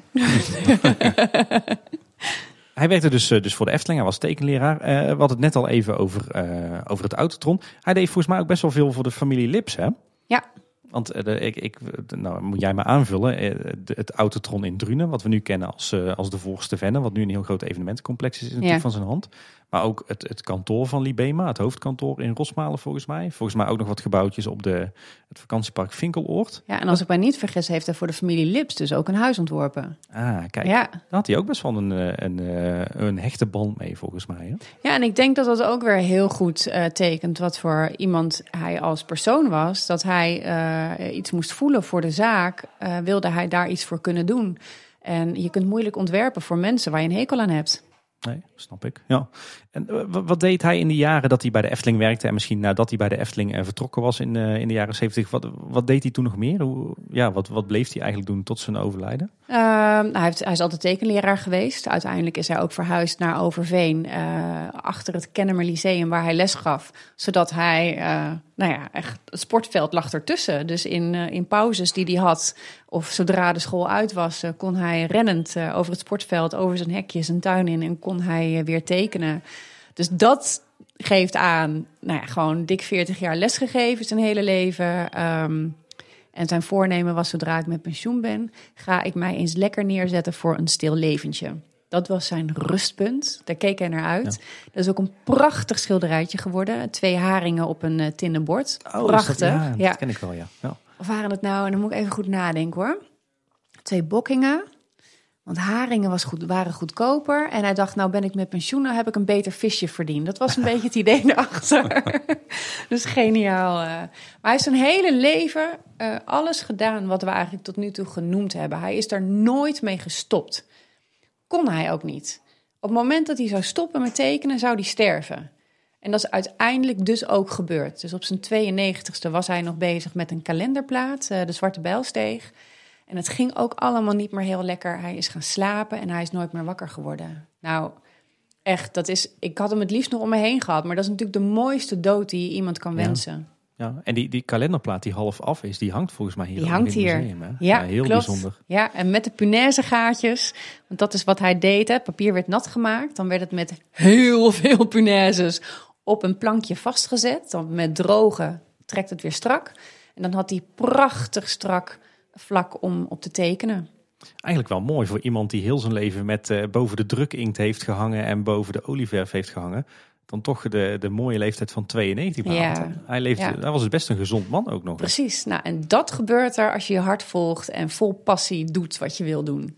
Kijk, dat is Ja. bijna een mooi motto om deze aflevering mee af te sluiten. Maar dat gaan we niet doen, want we hebben nog veel meer te vragen. Gelukkig, het is veel te gezellig. We, we kregen trouwens van, onze, van een van onze luisteraars ook nog een, eh, een- misschien wel een kritische vraag. Die vroeg zich af, wat zouden we nu nog van Piek kennen als hij niet voor de Efteling had gewerkt? Ik denk dan toch dat, eh, ook al zou ik heel graag een ander antwoord geven, maar dat de meeste mensen hem altijd zullen blijven kennen van de kalenderplaten en de kerstkaarten. Ja. Hoewel ik natuurlijk graag zou zeggen, men kent hem dan van zijn prachtige olieverfschilderijen, zijn kwartierschetsen, zijn rijstekeningen en zijn olieverven. Maar ik denk dat eh, onze kalenderplaten en dan uiteraard de boekillustraties. Ja. Ik bedoel, iemand die meer dan 350 boeken illustreert, die in ik weet niet hoeveel landen zijn uitgegeven. Ja, daar moet men hem dan toch ook wel van kennen. Het is wel een interessante gedachteoefening. Hè? Want eh, ik weet niet hoe de Efteling in het algemeen wordt gezien. Tenminste in die tijd was het toen nog iets een beetje kinderlijks of zo. Of hebben ze dat nooit zo gezien vroeger? Want misschien als hij dat niet had gedaan, dat hij juist weer meer vanwege het kunstzinnig aspect van zijn oeuvre bekend was geworden. Nou ja, het is natuurlijk wel zo dat in die tijd heel erg een discussie ontstond over is hij nou wel of geen kunstenaar. Want men vond dat het vooral romantische plaatjes waren. Ehm, en hij heeft zich altijd gedistanceerd van die discussie. En eh, hij wordt dan ook wel omschreven als de zichzelf ambachtsman noemende kunstenaar. Dat is een goede manier om het te omschrijven. Precies, ja. Dus eh, ja, wat hem betreft, hij is daar nooit mee bezig geweest met vindt men wat ik maak wel mooi. Hij vond het belangrijk dat wat hij maakte, dat dat was wat hij mooi vond, maar belangrijker ook nog, dat het kwalitatief gewoon goed was. Ja. Dus en ik denk dat het heel sterk is als je van die discussie kunt distancieren en gewoon vol passie en, en kennis en kunde kunt uitvoeren waar je voor geboren bent. Ja. Dan ben je op je plek. Ja, zeker. En we hebben het nou de hele tijd over, over zijn werk. Maar Piek was, zoals jij zelf zegt, jouw opa. Je overgrootvader, maar je, Ja. je noemt hem je opa. Ehm, wat was Piek verder voor? Mens. Wat, wat, wat je daar nog van verhalen van vanuit de familie? Wat, Ja, warm. Echt, dat is eigenlijk het enige echte mooie woord. Eh, ja, warm in alles wat hij, wat hij deed, wat hij uitstraalde. Ik was natuurlijk vrij jong eh, toen hij overleed. Ik was eh, nou, net geen tien of net tien. En dan is het gewoon je opa. Weet jij veel dat hij een Efteling heeft ontworpen of dat hij goed kan tekenen? En als ik nu terugkijk, denk ik, oh jeetje, ik heb voor zijn, wat was het, zijn negentigste verjaardag zelf een tekening gemaakt. Hoe heb ik die durven geven, weet je? ik bedoel, ik was ook echt niet zo goed als hij, eh, als hij was toen hij tien was. Eh, maar hij kon dat zo waarderen, omdat je moeite deed. En dat is, denk ik, wat hem heel erg siert en heel erg Ja. tekent. Dat is een familieman. Eh, dus hij, ging, hij was met de feestdagen samen bij de familie in de buurt, verjaardagen, maar kon dat niet. Dan maakte hij zich ongelooflijk voor elk kind, kleinkind en zelfs nog enkele achterkleinkinderen een tekening. En dan ging hij kijken naar wat er in het jaar daarvoor was voorgevallen in jouw leven. En dan maakte hij, nou, het is gewoon bijna een karikatuur. Een tekening, zo vol humor. We hebben vorig jaar ter ere van ons 35-jarig bestaan in het museum... hebben we een jubileumwand gemaakt. Omdat wij jarig waren, hebben we dus die verjaardagskaarten... van de familie hier mogen tentoonstellen. Oh, plaatjes, stuk voor stuk. En vaak ook nog met eh, vier regels in dichtvorm eronder. Nou, over mezelf. Laat ik het persoonlijk houden. Eh, ik ben geboren, ja, het is eigenlijk staatsgeheim, maar goed, mei 1977. Dit knippen we eruit, staatsgeheim, nee. Ehm, en in september is mijn moeder jarig. Dus die kreeg een tekening van zichzelf liggend in een bed, bevallig in een geweldige japon, maar wel met een krijzende baby in de armen. Ja, dat is gewoon. En dan het gedichtje weet ik even niet, maar vier regels eronder. Geniaal. Ja, en dat is denk ja, precies. Als hij er niet bij kan zijn, dan doet hij dat. En met Sinterklaas maakte hij gedichten, uiteraard met tekeningen erbij. Nou, dat zijn stuk voor stuk pareltjes. Ja. Dus dat is, kan hij er niet bij zijn of op een bepaalde manier altijd verbonden. Ik hoor wel dat hij die 12 uur tekeningen per dag wel nodig had eh, om Precies, te produceren. Wa- wa- Was het dan ook zo, als hij op een verjaardag zat, dat hij dan toch niet kon laten om even wat te kriebelen op de hoek van de krant? Of eh, toch nog even Hij een was velletje bij te pakken? altijd bezig. Ja, was je uit eten met hem, dan inderdaad had hij geen papier. Dan was het een servetje waar hij op ging tekenen. Dus ja, ja dat is nou ja, wat hij was. Gewoon. Ja. Eh, eh, Je hebt het erover, hè? De, de, de, de verjaardagskaarten en dergelijke. Eh, Er wordt ook wel eens gezegd van Piek, die strooide met zijn tekeningen en zijn werk. Die gaf hij daar weer wat weg, gaf hij daar weer wat weg. Was hij inderdaad zo vrijgevig met, met, met, met zijn werk? Ehm, ja en nee. Wat hij eigenlijk, hij vond, hij was heel kritisch op zijn eigen werk. En ehm, wat ik al aangaf is, hij maakte heel veel voorschetsen, studies, krabbels en dingen. En die gingen bij hem de prullenbak in. Want dat werd niet goed genoeg bevonden. Maar goed, als daar dan iemand kwam en die zag dat dan in die prullenbak liggen. En ah, maar dat gooit u toch niet weg, meneer Piek? En zei hij, ach, neem maar mee. Zo is dat Ja, eigenlijk gegaan. kijk, dus het is ja, niet ja. dat hij al zijn werken op die manier uitdeelde. Ehm, hoewel hij wel, want hij kreeg ontzettend veel fanmail. En dat las hij ook allemaal. En af en toe ook met hulp van kleinkinderen dan eh, nam hij dat door. En bijna iedereen kreeg een antwoord. En het kon zomaar eens zijn dat op het moment dat jij een mooie tekening had gestuurd, dat jij een tekening van Anton Pieck terugkreeg per post. Ja, en dat zullen dan niet zijn mooiste Nee. kunstwerken zijn geweest, maar ook niet degene die per definitie in de prullenbak verdwenen. Eh, wa- Wat vond hij eigenlijk van, van al die koekblikken en, en, en, en bekers en, eh, en schriftjes die werden uitgegeven met zijn... eh, Ja, nee, dat had hij liever erop. niet. Nee. Nee, nee. Als je ook, eh, maar dat, dat heeft ook eigenlijk te maken met zijn kritische oog. Dus als ik dan de kalenderplaten er weer bij mag halen. Hij stond in die drukker om elke plaat te controleren op kleur. Dat werd dus echt niet zomaar op een kalender gezet. Dat moest qua kleur bijna één op één overeenkomen met het origineel. Nou, je kunt nagaan dat al die koekblikken en die bekers, nou, dat komt dus niet overeen. Ja, dat vond hij verschrikkelijk. Maar hij was ook wel zo chaotisch dat hij soms toestemming had gegeven voor iets, dat het vervolgens binnenkwam en dat hij en dat er dan gezegd van, ja, maar opa, daar heeft hij toch echt zelf toestemming voor gegeven. Oeh, nou ja, zo ging dat dan ook. Ja. ja, ik zie nu ook soms wel eens dingen voorbij komen waar dat ze echt zijn, zijn originele tekening of kalenderplaat eh, compleet verkeerd hebben uitgesneden. Ja. Waar hele stukken van zijn tekening afvallen. Klopt, ja. Het is wel zo dat we nu, ehm, en dat is natuurlijk de zoektocht, hè, want ehm, Anton Pieck eh, leefde de vorige eeuw al een eeuw terug en een eeuw daarvoor. Eh, wat maakt dat zijn werk fantastisch is, maar dat er ook wel doelgroepen zijn die zich daar niet helemaal in kunnen vinden.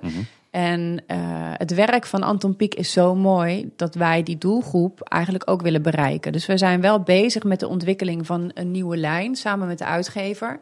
Waarbij we wel het een en ander eruit gaan halen. Uit dus de platen die hij gemaakt heeft. Iets wat eigenlijk uit den boze is. Ehm, en dan zeg ik wij, dan spreek ik nu namens de familie, moet ik zeggen, en niet namens het museum. Maar het wordt hier natuurlijk wel verkocht. Maar waarbij we de nadruk leggen eigenlijk op de details. En dat is wel dan weer de kracht ervan.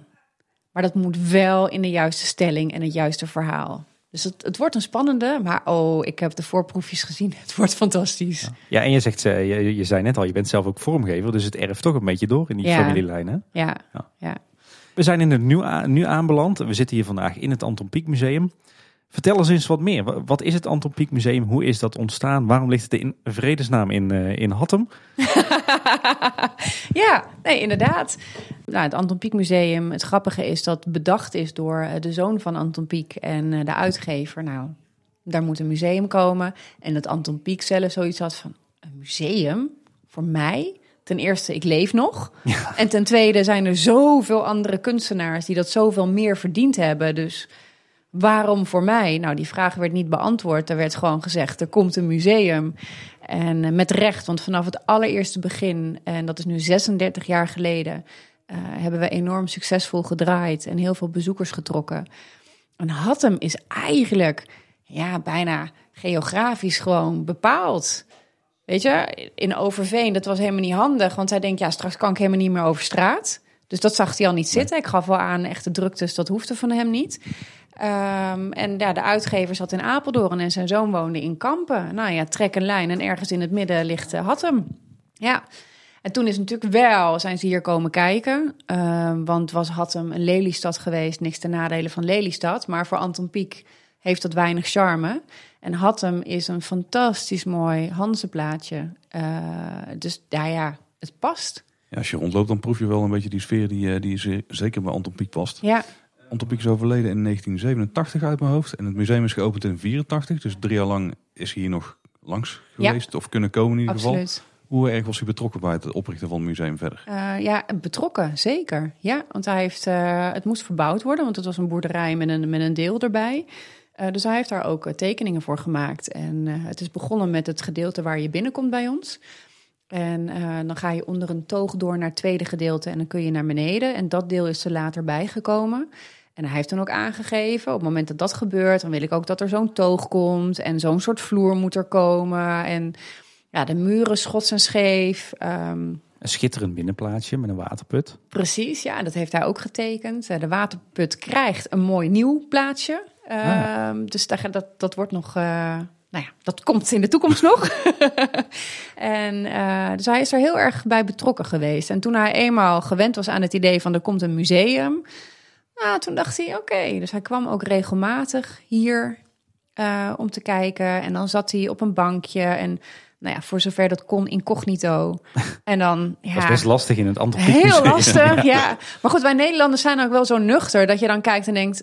Dat lijkt Anton Pieck wel. Nee, dat zal wel niet. Ze hebben een wassen beeld hier van Anton. We hebben wel een hele mooie buste staan. Maar wassen beeld, uh, nee, toen niet en nu niet, nee. En, en, eh, hoe heeft het museum zich in de loop der jaren uh, ontwikkeld? Want ik kom hier zelf al best wel lang. Ik kan me een tijd herinneren toen ik hier pas kwam. Toen uh, was er best wel een grote afdeling voor, met, met Efteling prenten. die is een tijdje weg geweest. Wat is er eigenlijk gebeurd in de historie van het museum? Heel veel eigenlijk wat we door de jaren heen. Uh, en dan praat ik eigenlijk ook over mijn voorganger, Anneke, Anneke Nietrouw. Zij was conservator. Um, dus het doel is eigenlijk altijd geweest om zo goed mogelijk en zo mooi mogelijk uh, het werk van Anton Pieck uh, te laten zien. Mensen daarin mee te nemen. En ik heb mij daarboven ten doel gesteld om mensen mee te nemen in het leven en het werk van Anton Pieck. En dat is denk ik de ontwikkeling die je door de jaren heen hebt gezien. En waar we nu vooral mee bezig zijn is het museum naar het nu krijgen. Maar met respect voor wie Anton Pieck was en het werk wat hij maakte. Ja, want recent hebben jullie best wel een grote verbouwing doorgemaakt, hè? Ja, klopt. Ja. Vertel. Nou ja, ik vond eigenlijk wel dat we wandruimte tekort kwamen. Dus daar begon het al mee. En die leuke uh, wanden waar ik het net over had, zoals Anton Pieck ze bedacht had, die zijn schitterend. Maar die zijn natuurlijk vreselijk als je je werk op wil hangen. Um, dus daar zijn we mee bezig geweest. Uh, op het moment dat je nu binnenkomt, we hebben een eigen entree vanaf de Noordwal. Nou, de Noordwal is al een fantastisch mooi uh, stukje hatten waar je overheen kunt lopen. En dan kom je uh, toch wel een vrij moderne entree in eerste instantie binnen van zwart staal. Was overigens niet altijd zo, hè, dat jullie entree nee. aan de Noordwal zat? Klopt, nee. We zijn eigenlijk twee musea in één gebouw. En je kwam eerst via het andere museum binnen. Daar moest je doorheen via het binnenplaatsje en dan het museum binnen. Uh, maar we waren er met z'n allen toch wel van overtuigd dat uh, het Anton Pieck Museum en daarmee Anton Pieck dus zijn eigen entree verdiende. Ja. Kijk, want dat was het museum Voermans, hè, als ja, ik het goed zeg. Voerman ja. Museum, ja. Waar je wat uh, daar hingen, of hangen nog steeds, maar wat, wat ik me van eerdere bezoeken kan herinneren, waren dat vooral dorpsgezichten en vergezichten? meer de, de koeienlandschappen, ja. de weilanden en dan, um, als ik me niet vergis, de plaatjes van Verkade, dat is Voerman Junior. En wat ik net noemde, voorman senior. Ja. ja. Ik, uh, ik ren er altijd snel doorheen als ik op weg was naar het museum. Dat horen wij graag natuurlijk. en wat, wat ik me kan herinneren, volgens mij, ik weet niet of dat nog steeds zo is, uh, was er op de bovenverdieping bij jullie altijd een, een wisseltentoonstelling met werk van anderen. Hè? Ja, klopt. Ja. Waar, waar komt of kwam dat vandaan? Het idee was eigenlijk dat we beginnende kunstenaars of tijdgenoten een podium wilden bieden. En dan met name beginnende illustratoren. Eh, want Anton Pieck heeft natuurlijk veel boeken geïllustreerd. Dat is iets van nu. En uh, jonge illustratoren, uh, voor hen is het toch best wel heel erg lastig om bij het grote publiek uh, aan te komen. Dus daar, van daaruit is het begonnen. En we merken nu dat daar, daar zijn veel mensen op afgekomen. maar ehm, we zijn nu aan het zoeken naar hoe we dat nog beter en nog mooier vorm kunnen krijgen. Dus we zijn nu bezig met het maken van een vijfjarenplan. Waarin wij nog steeds een podium willen bieden. maar ook juist aan tijdgenoten van Anton Pieck, waarbij het in een verhaal plaatst, zoals een landelijk verhaal. Uh, in 2021 is het uh, landschap, als ik mij niet vergis. Nou, daar kun je ontzettend veel mee doen.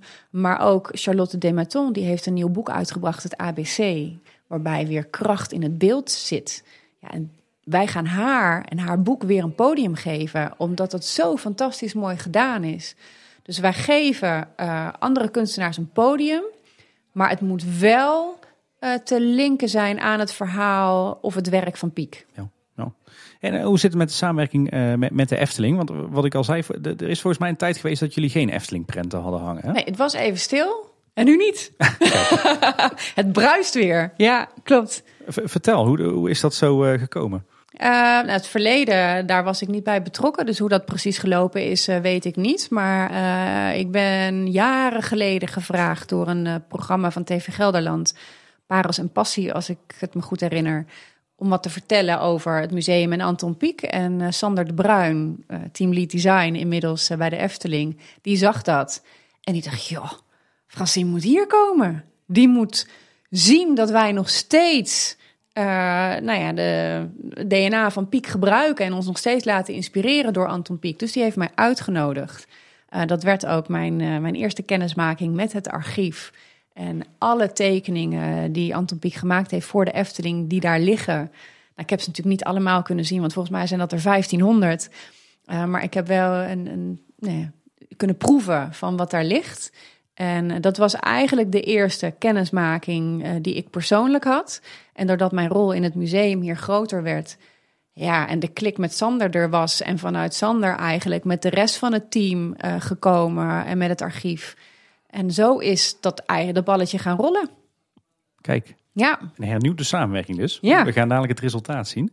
Ja, want vanaf begin augustus dit jaar is er dus een nieuwe expositie over Anton Pieck en de Efteling. Ja, precies. Ja. Waarbij we echt inzoomen op de eerste tien sprookjes.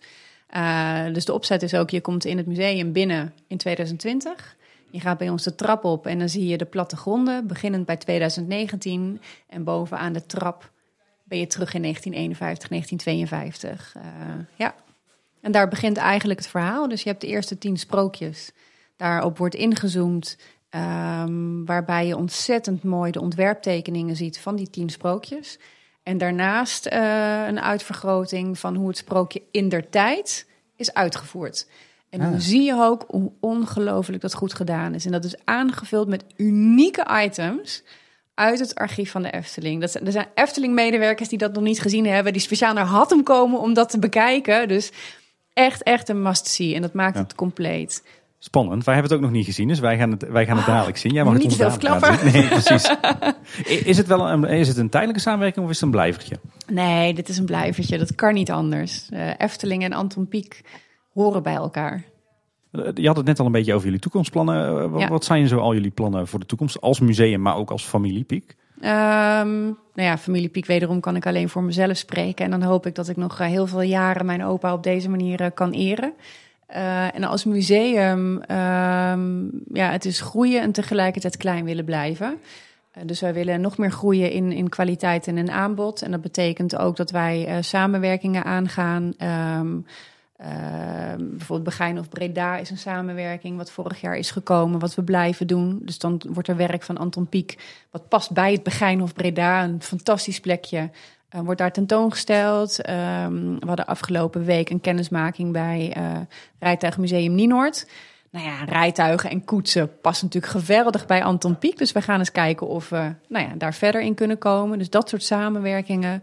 Maar ook maatschappelijk gezien uh, zijn we heel erg bezig. Ik had eigenlijk Mathilde Stam, onze directeur, erbij moeten hebben. Want die kan dat nog mooier verwoorden. Maar dementie is bijvoorbeeld iets wat nou ja, heel erg leeft nu. We hebben een speciaal programma ontwikkeld voor dementie, of aangesloten eigenlijk bij de programma's die ook al ontwikkeld zijn. Dus die ontsluiting moet wat ons betreft gewoon breed zijn, waardoor iedereen welkom is uh, um, en zich welkom voelt uh, in het museum. Waardoor, en dat is ook eigenlijk wat kunst moet zijn en de gedachte van kunst. Hè? Dat moet laagdrempelig zijn. Iedereen, het, het is gevoel, het is emotie. En dat moet voor iedereen toegankelijk zijn. Dus daar zijn we ons heel erg bewust van. En dat geldt dus ook voor educatie, uh, voor kinderen. We hebben ontzettend veel uh, klassen, scholen uit de omgeving en daarbuiten. Ik bedoel, zelfs scholen uit Zutphen komen deze kant op om kennis te maken met Anton Pieck en zijn werk. En we hebben fantastische uh, educatiemedewerkers die dat heel goed opzetten. Heeft zich ook weer vertaald in een hele mooie speurtocht nu. Ja, zo kan ik nog wel uh, eindeloos doorgaan. Ja. Jullie moeten niet in slaap vallen, heren. Nee. We kunnen hier de komende jaren nog wel terug blijven komen. Ja, precies. precies. je had het ook al over een, een, nieuwe lijn, een nieuwe merchandise-lijn, zeg ja. ik dan een beetje oneerbiedig. Wat, wat zijn daar de plannen voor? Ja, we hebben op dit moment fantastisch mooie sieraden liggen. Dus ter ere van zijn 125e geboortedag hebben we een sieradenlijn ontwikkeld met uh, 03CS Jewelry uit Amsterdam, Elio Kusters. Ja, en dat zijn zulke mooie, mooie ja, pareltjes nog. Dat iedereen denkt dat er pareltjes zitten. Die zitten er ook in overigens. Uh, maar het zijn hele mooie sieraden met een verhaal. Om een voorbeeld te noemen, we hebben een kettingje met daaraan een envelopje. Heel mooi bewerkt. En in dat envelopje zit een briefje met een citaat van Anton Pieck. Ja, dan heb je mij al. Dan ben ik al verkocht. Ja, ja je hebt dat, hem ook om je nek hangen. Ik heb, ja, precies. Ja, helaas kan niemand dat zien. Maar uh, ja, en dat geldt voor eigenlijk de sieraden. Het is niet een hele grote lijn. Uh, maar we hebben, ze heeft zich ook laten inspireren door de sprookjes van de Efteling. Dus we hebben een kettingje met rozenkwarts eraan. En daarop een nachtegaaltje. En dan iets hoger aan het kettingje hangt dan weer een sleuteltje. Uh, we hebben oorbellen waar een kikkertje op zit. Nou ja, de kikker Efteling. Maar tegelijkertijd staat een kikker ook voor geluk. Uh, dus het zijn sieraden met een verhaal, met een boodschap. En niet te veel tierenlantijn. Want ook hierin ja. vond ik het heel belangrijk dat de kracht zit in de eenvoud. En de merchandise-lijn uh, in samenwerking met de uitgever, waar ik het over, ook al over had, ja, dat komt ook. Als je binnenkomt in het uh, museum, dan hangen er uh, nieuwe lampen aan het plafond, hebben Ja. we opgemerkt. En daar staat ook het nieuwe logo van Klopt. het Antropiek Museum. Ja, ja, begin van het jaar hebben we een nieuwe huisstijl eh, gelanceerd. En dat is ook in het kader van eh, nou ja, het Anton Pieck Museum naar het nu tillen. Dus we hebben daar nou ja, behoorlijke brainstorm sessies aan gewijd om te kijken waar willen wij nou naartoe. En iedere keer kwamen we toch wel weer terug op zijn signatuur. En eh, we hebben zijn signatuur AP nu in een logo gezet, waardoor je dus toch, het logo is wat strakker. Er staat wat strakker Anton Pieck Museum bij, maar dat kun je loskoppelen, waardoor je de AP houdt. Ja, mijn grote droom is natuurlijk dat men eh, nationaal, maar misschien zelfs internationaal straks bij het zien van AP meteen denkt aan niet alleen het werk van Anton Pieck, maar ook het museum. Ja, want wij herkennen natuurlijk meteen het Tim. Want het is Het echt was ze meteen, eh, meteen raak, ja. typische krabbeltje wat altijd meestal rechts onder in zijn tekeningen stond. Met Ja. een, eh, een A en een P die in elkaar overvloeien. Klopt. Tim en ik eh, wonen alle twee in Kaatsheuvel. En wij vroegen ons toch af, in Kaatsheuvel daar zijn ze er heel goed in om Anton Pieck er eh, op alle mogelijke manieren bij te slepen. We hebben een Anton Pieckplein midden in het dorp liggen. We hebben een eh, kroeg en die heet Bij Anton.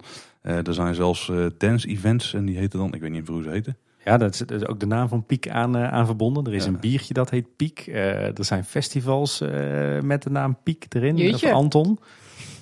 wat, Maar- wat vinden jullie daarvan als familie?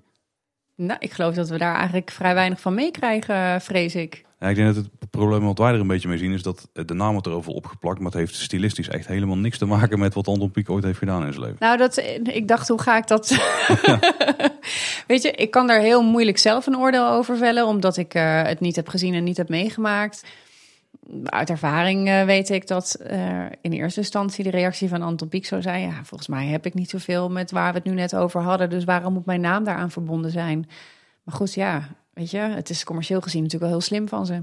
Ja, het is een beetje misschien een cultureel erfgoed geworden, de naam Ja. binnen Kaatsheuvel. Ja, Alleen maar op vanwege de Efteling natuurlijk, want dat is het voornaamste wat hij in Kaatsheuvel heeft gedaan. Ja, nou, op zich Ja. is het natuurlijk een mooi eerbetoon dat het nieuwe dorpsplein in Kaatsheuvel het Anton Pieckplein Precies. is Ja. geworden. En op zich is het dan nog wel mooi dat de brasserie die daar aan ligt bij Anton heet. ja, Alleen als die brasserie vervolgens evenementen gaat organiseren en biertjes gaat brouwen en overal de naam Anton of Piek aan verbindt, dan...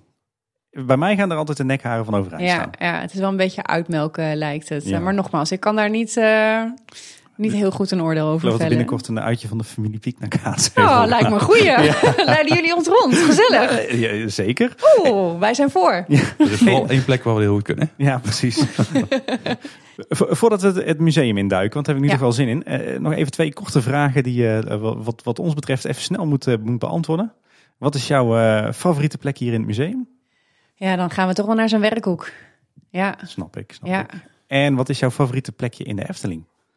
En Sprookjesbos.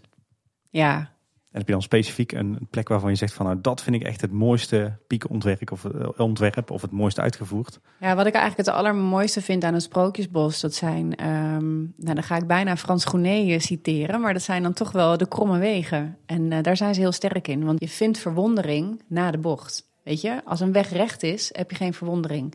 En dat vind je terug in heel de Efteling, maar dat proef je en dat voel je nog het beste in het sprookjesbos. Het is daar de sfeer en van de bezem die in de boom hangt.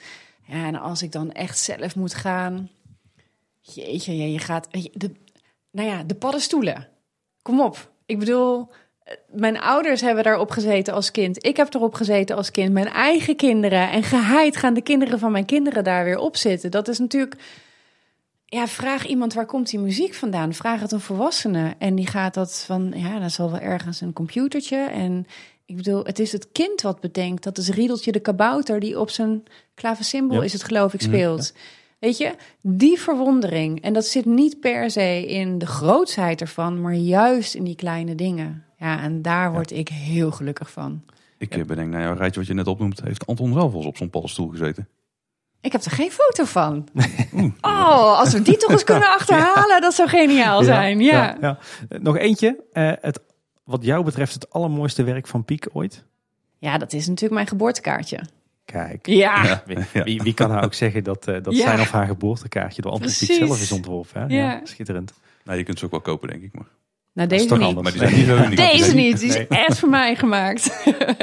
Hey, zullen wij het eh, museum in eh, wandelen? Graag. Francine, we staan inmiddels in het Anton Pieck Museum eh, zelf. Kan, kan jij ons eens meenemen? Wat, eh, wat is hier te vinden? Nou, het allerbelangrijkste is dat je eh, vanaf de prachtige Noordwal eh, bij de entree van ons museum komt. En eigenlijk de façade brengt je al in de sferen van, eh, van Anton Pieck. En dan kom je door onze prachtige entree binnen in nou ja, de entree, de.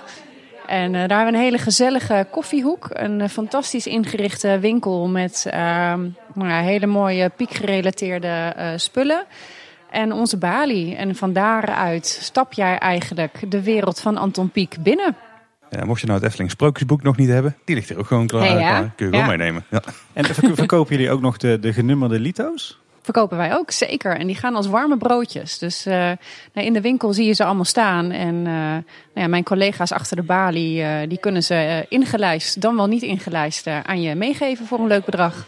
Ja, bij mij is het altijd heel raadzaam om snel door de winkel heen te rennen. Of er langs te rennen, want anders gaat het weer veel te veel geld kosten. Nou, we hebben geprobeerd zo te situeren dat je er wel doorheen moet. Ja, precies. En Volgens mij heb je net al iets gekocht, Tim. Dus dat is een mislukte. nou ja, precies. Maar dat is voor, eh, voor Anne, hè? dus dat telt. Oké, niet Ja, ja, oh, mooi. Wij eh, volgen de route en dan neem ik jullie mee door het leven en werk van, eh, van Anton Pieck. Je hoort eigenlijk eh, de film al. Dus je loopt eigenlijk al tegen een, eh, nou ja, een, een muur aan. Dat klinkt heel heftig, maar eigenlijk geeft hij al eh, heel wat inzicht in eh, wie Anton Pieck eigenlijk was. Eh, om te citeren, hij geeft aan: Ik ben een man van vaste tijden. Sinds jaar en dag neem ik 's morgens rond 9 uur plaats achter mijn tekentafel. En kom daar niet voor 5 uur in de middag vandaan. Met uitzondering natuurlijk van het uurtje voor de lunch en een kleine wandeling. Iets waar mijn vrouw strak de hand aan houdt, want de oude knoken moeten in beweging blijven. Ehm, daar moet ik bij aanvullen dat hij eh, dus van 9 tot 5, maar hij had absoluut geen 9 tot 5 mentaliteit. Eh, want eh, na het eten ging hij rustig beneden bij een enorme lamp boven de tafel verder met tekenen. Dus hij maakte met gemak 12 uur op een dag. Ik, ik, ik moet ook altijd denken, als ik aan Piek denk, aan eh, dat, dat hij voorovergebogen zit over Ja. zijn, zijn vel papier. En dan met een heel scherp potloodpuntje de kleinste Precies. details Ja. te tekenen. Dat is ook typisch Piek. Hè? Dat is echt, ja. En als je ook ziet, eh, en dat hebben we dus eh, hier ook staan, zijn werkhoek. Kijk eens even heel goed naar de stoel waar hij op zat. Niks, geen zachte kussentjes of comfort of ergonomisch verantwoord. Nee, dat is echt een waanzinnig mooie, dat wel. Maar houten stoel waar hij op zat. Nou, en ik neem je dan eh, mee, of eigenlijk neemt de expositie je mee eh, naar het allereerste begin. Ehm, waarbij je dus de werken ziet waar we het daar straks over hadden. Ehm, zijn allereerste wedstrijd die hij gewonnen heeft met het aquarel wat hier hangt. Zo. Dat is, nou ja, ik bedoel, tien jaar. Ik- ja, nou ja, eigenlijk zegt dit gestamel al genoeg, hè? Ja, er, zijn, er zijn enorm veel mensen die dit nooit in hun leven zo kunnen Nee, nou precies. En als conservator weet ik niet wat ik moet zeggen over het werk. Ik weet niet wat dat dan weer zegt, maar ik ben er stil van. Ja, Zo precies. mooi is het. En daarnaast hangt een werk wat hij uh, op datzelfde moment ook heeft ingeleverd, wat dan niet gewonnen heeft. Uh, maar mijns inziens minstens zo prachtig is. Ja, als je bedenkt dat iemand van tien jaar dit heeft getekend, is bijna ongelooflijk. Ja, precies. Ja. ja, nou, en dat illustreert weer, uh, mooie woordspeling als ik dat mag zeggen, maar dat illustreert weer dat hij echt geboren is met een potlood in zijn hand. Ja, ik zal jullie meenemen dan langs zijn wand met dingen en krabbels. Um, waarmee ik dus wil laten zien dat alles begint met een ding of een krabbel. En uh, dat hij iemand is die zich terdege goed documenteert voordat hij ergens aan begint. Maar ook overal geïnspireerd kan raken. En um, er hangt er nu toevallig een, de tweede van linksboven. Waarbij hij zijn collega's, muziekdocenten tekent. Hij had zelf eigenlijk niet zo heel veel met muziek. Ja, hoe wil je dat dan goed illustreren? Ja, dan moet je toch uh, naar een goed voorbeeld kijken. En dat is wat je hier heel mooi ziet. Dus dit is niet een wand van perfectie. Dit is een wand van joie de peindre. Echt het plezier van het schilderen en tekenen. Ja, dat, dat vind ik ook altijd zo mooi aan het Antropiek Museum. Dat was vroeger ook al. Nu, nu hebben jullie het meer gecentreerd. Er hangen hier niet alleen de eindproducten, zoals je Nee. in veel andere musea ziet. Maar hier hangen eigenlijk de tussenfases. Hè? Want ik zie een aantal vlotte tekeningen waarvan ik denk... hé, hey, maar daar is ook nog een Precies. uitgewerkte tekening van. Dit is de voorstudie, uh, tussenproduct. Klopt. Heel gaaf dat je dat hier eigenlijk ziet hoe ja, hoe, eigenlijk hoe vlot en hoe misschien een klein beetje slordig zelfs Piek begon. En hoe dat hij dat uiteindelijk uitwerkte tot die hele fijne gedetailleerde Ja. prenten. En wat wij ook hopen, en dat is ook waar wij voor staan, is eh, Piek inspireert, is dat dit de mensen ook inspireert. Weet je, heel veel mensen zien alleen de eindproducten, waardoor de lat wel extreem hoog gelegd wordt om überhaupt zelf een potlood in de hand te nemen. Nou, en dit laat zien, je hoeft niet te beginnen met perfectie. Het gaat om het plezier erin en uiteindelijk kom je wel tot een mooi eindresultaat. Ja, heel mooi dat jullie dat ook durven te laten zien. Ja, nee, dank je. Ja. Eh, je ziet ook dat de jaartallen genoemd zijn. Dus bij de dingen en krabbels zie je ook de jaartallen 1901 tot 1987 staan. Wat ook aangeeft dat heeft hij zijn hele leven gedaan. En van daaruit gaan we door naar zijn olieverfschilderijen. En in 1924 heeft hij eigenlijk zijn eerste werk gemaakt. En ook dat heeft hij zijn hele leven gedaan. We hebben een selectie gemaakt. Ehm, hij heeft er veel gemaakt. En helaas hebben wij eh, zeker niet alles kunnen bemachtigen. Dus nou ja, als iemand nog een mooi olieverf heeft, eh, we houden ons aanbevolen. Ja. Een, eh, je mag het geven, maar een bruikleen is ook welkom. En dit geeft aan ja, van stillevens tot de, nou ja, ik zou bijna willen zeggen, pittoreske straatjes. Ja, het grappige vind ik, dit zijn echt die Piekse dorpsgezichten zoals we ze ook kennen van die kalenderplaten zoals iedereen eh, ze kent, waar iedereen aan moet denken als, als die aan Piek denkt. Maar hier zit niet dat scherpe potlood in. Hè. Hier, dit, dit is bijna alsof dat het een klein beetje vervaagd of geblurred is ten opzichte van zijn, Ja, zijn, zijn potloodtekeningen. Ja. Maar het, het kleurgebruik en de schaduwen, eigenlijk leven deze, deze schilderijen nog veel meer dan die, Ja. dan die getekende En het prenten. grappige is dat er dus veel meer rust in zit. Want wat je veel ziet op de kalenderplaten is toch wel de, de drukte en eh, de, veel mensen erop. En eh, dit straalt juist vanwege de rust en de gedempte kleuren. ehm, waarbij je hier nog meer getrokken wordt naar de details. Ja, want die zitten er ook in, hè? De, de witte duiven. Ik zie de, de typische dorpspomp, een mooie, mooie Kapmanteltjes. Ja, Ja, beeldje aan de gevel. hij is gewoon heel herkenbaar. En dit is België. Ja, Ehm, nou ja, een van zijn favoriete landen naast eh, Nederland. Ehm, ik wil wel heel graag eh, het stilleven ook benoemen wat hier hangt. Eh, dat is een, een bruikleen wat we al enige tijd hebben waar we heel blij mee zijn. Eh, dit is iets wat de meeste mensen niet kennen van Piek. Is natuurlijk nee, klassieke schilderkunst. Eh, maar het zijn ook grapjes. Weet je, Dit is gemaakt in de jaren 60. Eh, maar dit is een, een kreeft, een Canadese kreeft. Nou, dat, hij heeft dus niet een meesterwerk gepakt en dat nagemaakt. Want in die tijd bestond die kreeft nog niet. Dus hij moet die kreeft ook echt ergens vandaan hebben gehaald om hem te kunnen schilderen. En datzelfde geldt voor de knoflook en de peper. Dat zijn, eh, nou ja, als je het kruiden mag noemen, die in die tijd helemaal niet zo heel gewoon waren. Hij is op zoek geweest naar toch wel een niet voor de hand liggende combinatie. Voor toch wel een heel klassieke setting voor een stil leven. En daarnaast is het fantastisch geschilderd. Maar dat Ja. moet men met Ja, eigen ogen zeker. komen Nee, dat zien. is echt heel goed, ja. Nou, de Vlaamse processie in de olieverf hebben we hier. En hier zie je ook echt het plezier en het Bourgondische van Vlaanderen. Ja. En zeker als ik jullie zo meeneem naar beneden, naar het grafische werk, waar je het in grafiek terugziet. Ja, dan zie je echt wel die overgang van eh, bijna zwart-wit naar kleur. eh, ja, beter kun je het niet illustreren. Er zit heel veel dynamiek in dit Ja. eh, schilderij. Ja, ook- het is gewoon grappig. Je ziet daar een man gebukt onder eh, het heilige beeld, maar wel met een fles wijn in zijn broekzak. Eh, en je ziet het kleine hondje wat gewoon helemaal uitgeput meeschokt. Eh de, de muzikanten, maar dan ook wel een heel oud vrouwtje Ja. wat er voorover gebogen. Ja, een beetje Ja. de voorloper van het ballonnenvrouwtje. Nou, alleen deze is nog wat slanker. Hè? Ja, ja. Die dan overigens ook op het volgende olieverfschilderij Ja. terug zien komen. Ja, en dit is een hele bijzondere, want ik heb al wel getipt aan eh, zijn tijd eh, in de Eerste Wereldoorlog, waarin hij gelegerd was in Amersfoort. Mhm. Ehm, en waarbij hij dus ook Amersfoort in kon. Nou, dat heeft zo'n indruk op hem gemaakt. Hij heeft in de tijd ook veel schetsen gemaakt in Amersfoort. Dat was 1915, dus je ziet hier links in de hoek 1915 staan. Maar nou zie je rechts in de hoek 1987 staan. Nou, dan kan ik jullie dus vertellen dat hij op 92-jarige leeftijd, op basis van schetsen uit 1915, dit schilderij gemaakt heeft. Jeetje, heel Ja. indrukwekkend. Ja. als we dan even achterom kijken, de stijl is nog steeds wel vergelijkbaar met die eerste Oliver schilderij. Ja. Ja. Ja. Ja. mooi hè? En de vogelskeletjes waar ik het eerder over had, eh, ja, die zijn hier ook te zien. Ja, ik, kan- ik kan dat eigenlijk niet uitleggen zonder dat je het erbij ziet. Dit is echt iets wat je moet zien. En dit zijn dan juist weer hè, die, die hele, ja, nou simpel wil ik ze niet noemen, want ze zijn zwaar, heel gedetailleerd. Maar dit zijn echt die handschetsen, hè, die potloodschetsen. Ja, nou die, ehm, die vogelskeletjes, ehm, dat is wel echt tot in detail. Dat is, dat is echt niet met de hand. Dat moet je ook hè, in, in zo'n plaatje uit gaan halen. Dus daar is over iedere lijn ontzettend goed nagedacht.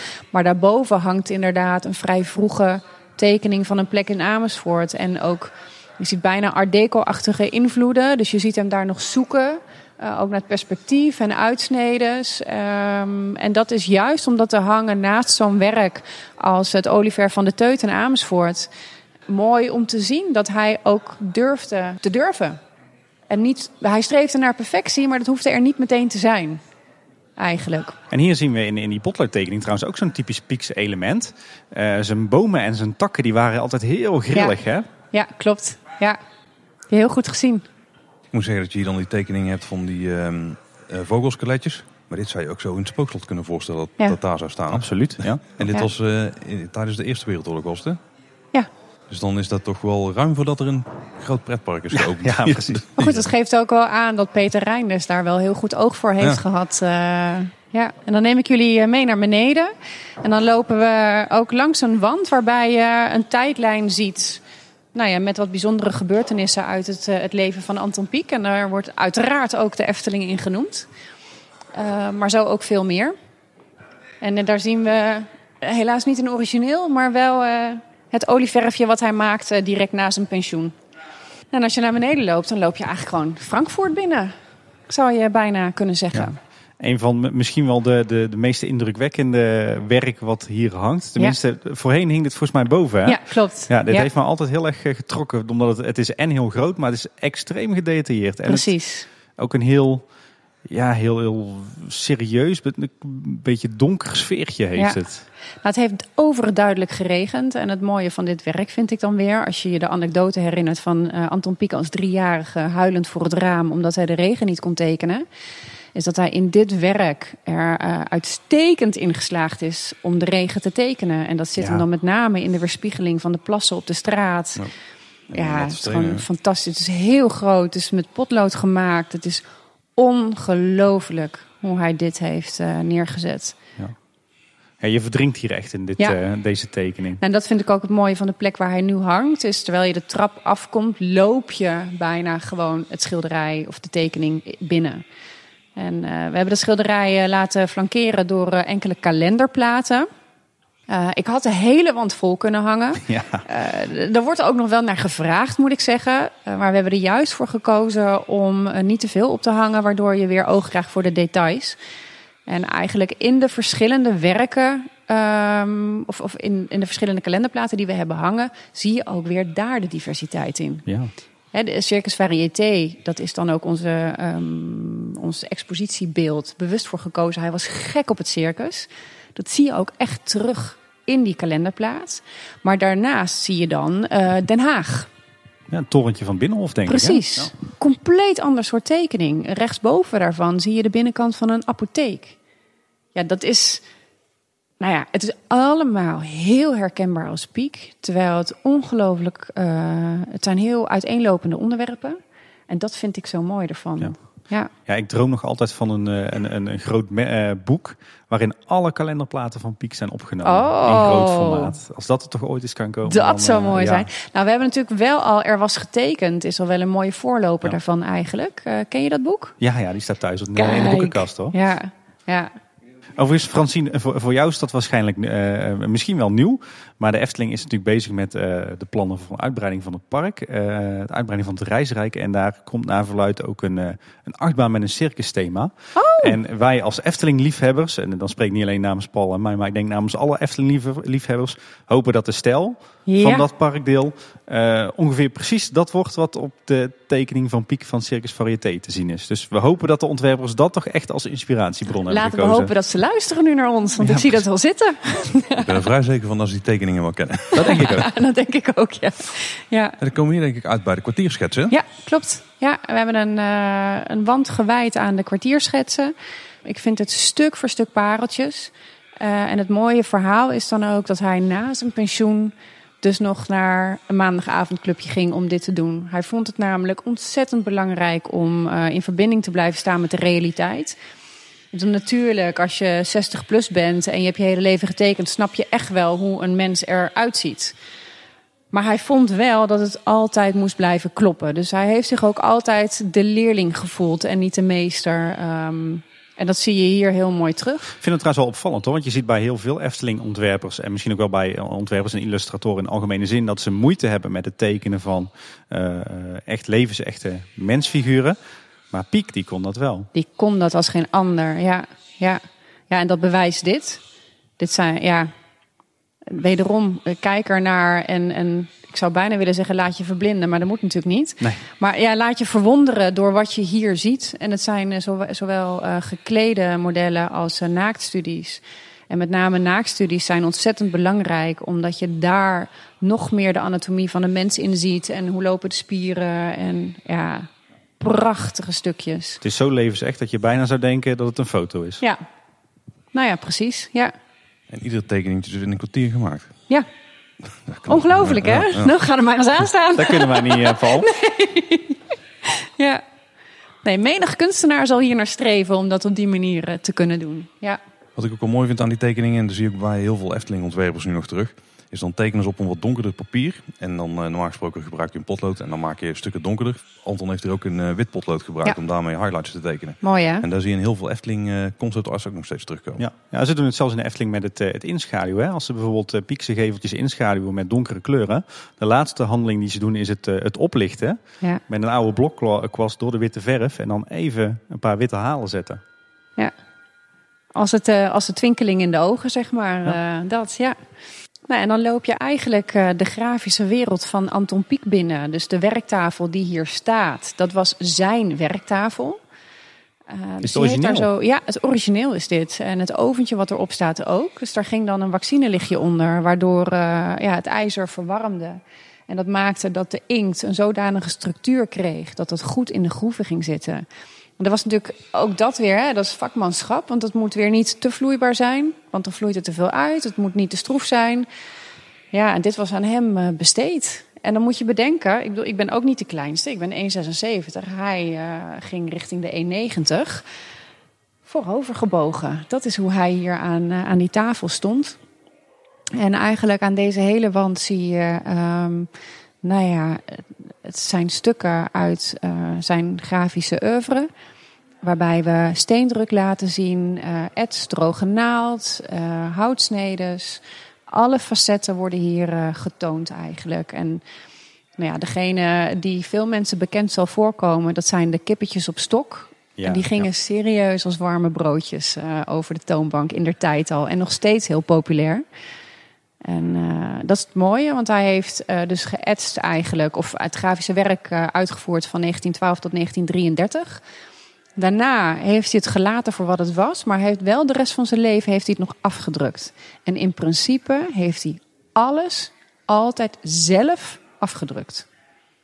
Dus ieder werk zou ook getekend moeten worden. Nou, en ik zie jou, eh Paul, achter je kijken. Ja, dat is de, de grote 1500 etspers, kilogram wegende etspers. En dat grote wiel, hè, wat zo graag de trap weer af wilde. Nou ja, dit is wat hij als eh, jonge man gekocht heeft. En waar hij de rest van zijn leven alles op heeft afgedraaid. Ja, ik zie hier ook een hele kenmerkende foto achter ons. Waar je Ja. Anton Pieck ook nog aan het werk ziet. Hè? Met zijn vrouw, ja. die hem dus in alles eh, steunde, ondersteunde eh, en hielp. Maar hij, hij, kon dan, hij kende dan ook ongelooflijk veel teken- en illustreertechnieken Ja. eigenlijk. Hè? Ja, het was voor hem echt een ontdekkingstocht. En dat is weer, hè, hij heeft zich altijd een leerling gevoeld. Dus hij voelde zich nooit te goed om een nieuwe techniek eh, aan te leren of eh, op te nemen. Eh, Ik moet wel zeggen, ik ben, het is de eerste keer dat ik hier kom sinds, sinds de grote verbouwing, zeg maar, om het zo te Ja. zeggen. Het valt me wel op dat nu juist dat, dat, dat de veelzijdigheid van zijn werk en van de technieken dat, die die hij gebruikte, dat die veel meer uit de verf komt dan vroeger Nou, eigenlijk. dat is een groot compliment voor ons als museum. Dus dank je wel, want dat was ons doel. We zien hier nog een paar eh, etsen hangen waarbij eh, we heel duidelijk naar voren wilden laten komen hoe hij zich ontwikkeld heeft. Ehm, je ziet hem echt in de eerste drie nog een beetje proeven. En bij de laatste drie die daar hangen zie je echt piek. Anders kan ik het niet omschrijven. En hoe, ongelooflijk veel detail erin zit. Het is echt Ja. niet normaal. Het zijn enorm kleine printjes uiteindelijk die eruit zijn gekomen. Maar als je, er, je kan er Ja, en zo als je een- op gaan staan, dan zie je nog heel veel details Precies. verschijnen. En als je je een klein beetje verdiept in de techniek, dan weet je ook hoe ongelooflijk knap het is om dat voor elkaar te krijgen. Op zijn zacht gezegd is dat gepriegel. Ja, Maar dan Ja. in het kwadraat, zeg maar. ja. ja en enorm veel kennis van eh, eh, waar je mee bezig bent. Eh, hè, wat ik net al zei, is eh, het oventje is bedoeld ook om de inkt de juiste structuur te geven. Eh, nou ja, probeer een keer een plaatje af te drukken en je hebt hem geheid gewoon vol met vlekken en grijze, wordt één grote grijze brei. Dus dat je dat voor elkaar krijgt. Dus vanaf de eerste lijn die je zet, weet je waar je mee bezig bent om dit voor elkaar te krijgen. Lukt hem op de basisschool al niet om fatsoenlijk eh, een stukje linoleum uit de guts eh laten staan. dit. Nou, daarom mag deze man zich ook kunstenaar Ja, noemen. Ja, en wij hem. We hebben hier een prachtig duinlandschap. En dat doet ook wel een beetje denken aan eh, de werken van eh, Hokusai. Eh, je hebt van Hokusai dus een Japanse, nou, ik zou bijna willen zeggen grootmeester. Die staat ook bekend om zijn golf en zijn vulkaan. Die is zijn hele leven eigenlijk alleen maar bezig geweest met ehm, ja, leren. Ja, de, de, alle seizoenen, de vulkaan, de vulkaan in alle seizoenen neerzetten. Het verandert en steeds maar beter worden. En hier zit iets in daarvan. En eh leuke anekdote daarbij ook is om te vertellen dat Anton Pieck een eh, enorm goede turner was. Echt waar? Oh. Ja, leuk hè? Ja. Ja, dus hij was dus ook gek op het circus. Nou, 1 en 1 is 2. Dus een hele goede turner. Hij heeft altijd wel in de buurt van de zee gewoond. En er is ook een hele mooie foto dat hij eh, bovenop zo'n duintop staat en eh, met een salto naar beneden komt. En Oh, dat is, het rijmt Ja. bijna niet met het beeld wat de meeste mensen van hem hebben. Hè? Eigenlijk wat je net schetste, Ja. voorovergebogen aan zijn bureau eh, tekenend. Nee, salto's in de duinen. Bizar. Ja, ik, gaat weer, ik moet mijn wereldbeeld weer bijstellen. Op zich wel mooi dat, dat helmgras en die duindon. Die duindon komt ook alweer overeen met die typische piekse bomen. Ja. Hè? Ja. Dat hele... eh, Grillige lijnenspeld in. Ja. Precies, ja. Precies, ja. Jouw woorden. Nou, nou noemde ik net eigenlijk al, al Hokusai, een van de grootmeesters. En we hebben hier een oude mannenkop. eh, ja, daar kan ik bijna niet anders dan eh, Da Vinci bij noemen. ja. Ja. Dat is eh, zo ongelooflijk mooi gemaakt. En er gaat zo'n tederheid van uit. En het is zo teer. En zo goed kwetsbaar gemaakt. Ja, gewoon een prachtig werkje. Ja, nou, we zijn Ja, er alle drie stil Ja, ja. van, geloof ik. nou, en dan ehm, zijn we hier bij zijn eh, werkhoek. En eh, nou, ik gaf het al aan, dit is echt mijn favoriete plek. En ik zou willen dat ik eh, aan de ene kant wat ouder was geweest. Want dan had ik bewust op een krukje achter hem eh, kunnen gaan zitten. Eh, maar ja, dit is echt zijn paradijs. Dus zijn werktafel, ehm, ja, zijn, zijn pennetjes, zijn aquarelletjes, zijn boeken. Hij heeft heel veel verzameld. qua, hij, heeft zich ook echt omringd met oude spullen. Het mooie is dat wij voor onbeperkte tijd een fantastische bruikleen hebben gekregen. Namelijk de schouw die in zijn werkkamer stond. En die gaat geplaatst worden hier in het museum. Oh, gaaf. Ja, dus dat wordt nog weer een toevoeging aan de sfeer van zijn kamer. Wat veel mensen niet weten overigens, is het glas in lood wat eh, op zijn tafel staat. Dat is een ontwerp van Anton Pieck zelf. En dit heeft hij zelf gemaakt. Kijk, dat is Ook nog. weer een nieuwe Ja. techniek. Ja. Kijk, Maar, maar alles wat hier staat komt uit de originele Ja. werkhoek van dus Anton één op één eh, overgenomen uit zijn werkkamer. Ja, inclusief de lamp met het doekje. Dus ja, soms loop ik hier langs en denk ik, nou, dat doekje mag eigenlijk wel vervangen worden. Ah, ah, museumstuk, afblijven. Deze, eh, deze inrichting van de werkkamer die stond eerst volgens mij boven in een hoekje weggestopt. hè. Hij heeft klopt. nu ook een, een meer prominente plek eh, Ja. gekregen. Mooi ja. En het, eh, de tekening, of de, is eigenlijk een aquarel die op zijn eh, bureau ligt. Is dat dan degene waar hij mee bezig was toen hij overleed? Klopt. Ja, dit is dan een reproductie, want eh, qua licht en dergelijke kan die dat niet hebben.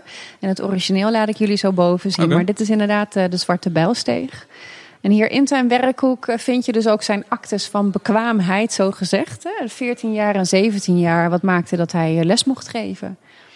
Ja, we kregen een tijd terug een, vraag van een luisteraar van zou het niet mooi zijn als, eh, als de Efteling de werkkamer van Piek nabouwt, bijvoorbeeld in een diorama. Maar ik denk dat we maar één antwoord daarop hebben. Als je die werkkamer wil zien, dan moet je het gewoon het origineel komen bekijken. En dat is hier in Hattem in het Anton Pieck Museum. Ja, graag. Iedereen welkom. Maar waar zijn eigenlijk de glazen ja, zijn het kruiken of bollen die hier liggen? Ja, dit hing aan de kast. eh, maar helaas heeft de tand destijds ervoor gezorgd dat we ze neer moesten leggen. Want anders zouden ze als vanzelf naar beneden komen. Maar dit zijn uh, ja, onderwerpen die hij verzamelde. Dan wel omdat hij het mooi vond, dan wel om dat terug te laten komen in een, in een tekening. En eigenlijk van daaruit neem ik jullie mee naar de Eerste of de Tweede Wereldoorlog, moet ik zeggen. Eerste Wereldoorlog hadden we boven. Ja, hier, hier is eigenlijk zo ontzettend veel over te vertellen. Maar ik denk het belangrijkste is waar we het al over hadden, zijn uh, rol um, als het gaat om stil verzet.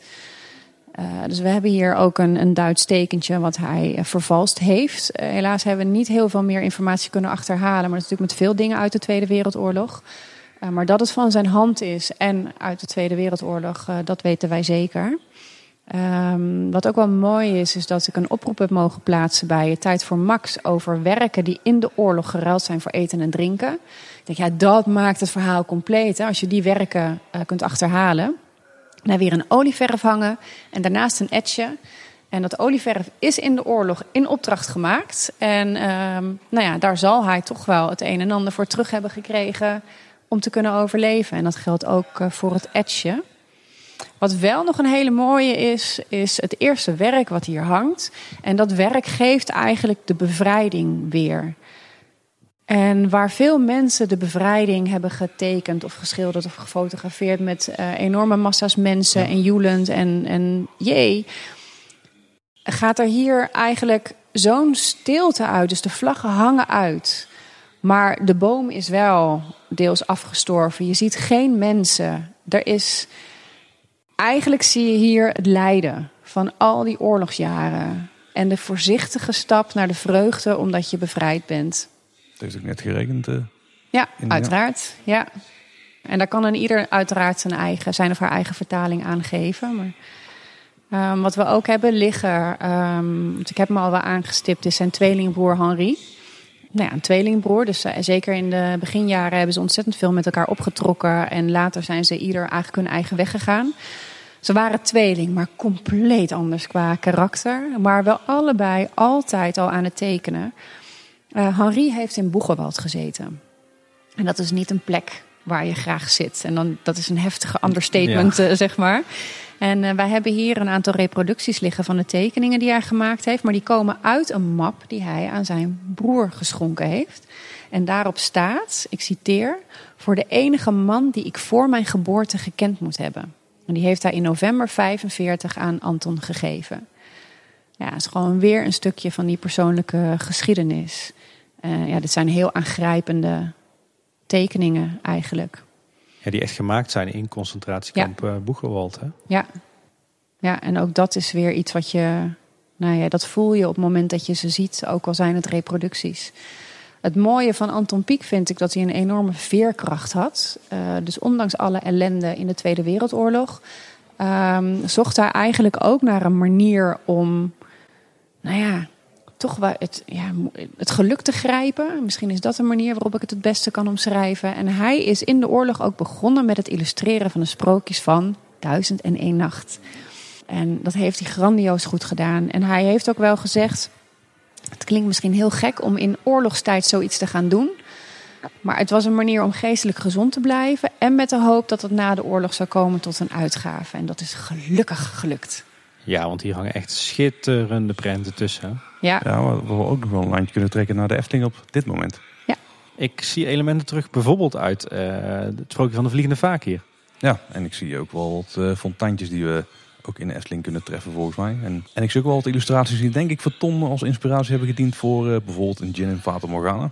Zeker. En wij hebben ook al wel eens geroepen dat uh, wat toch mooi zou zijn als er wat meer sprookjes uit 1001 Nacht ook in de uitbreiding van het Sprookjesbos zouden komen.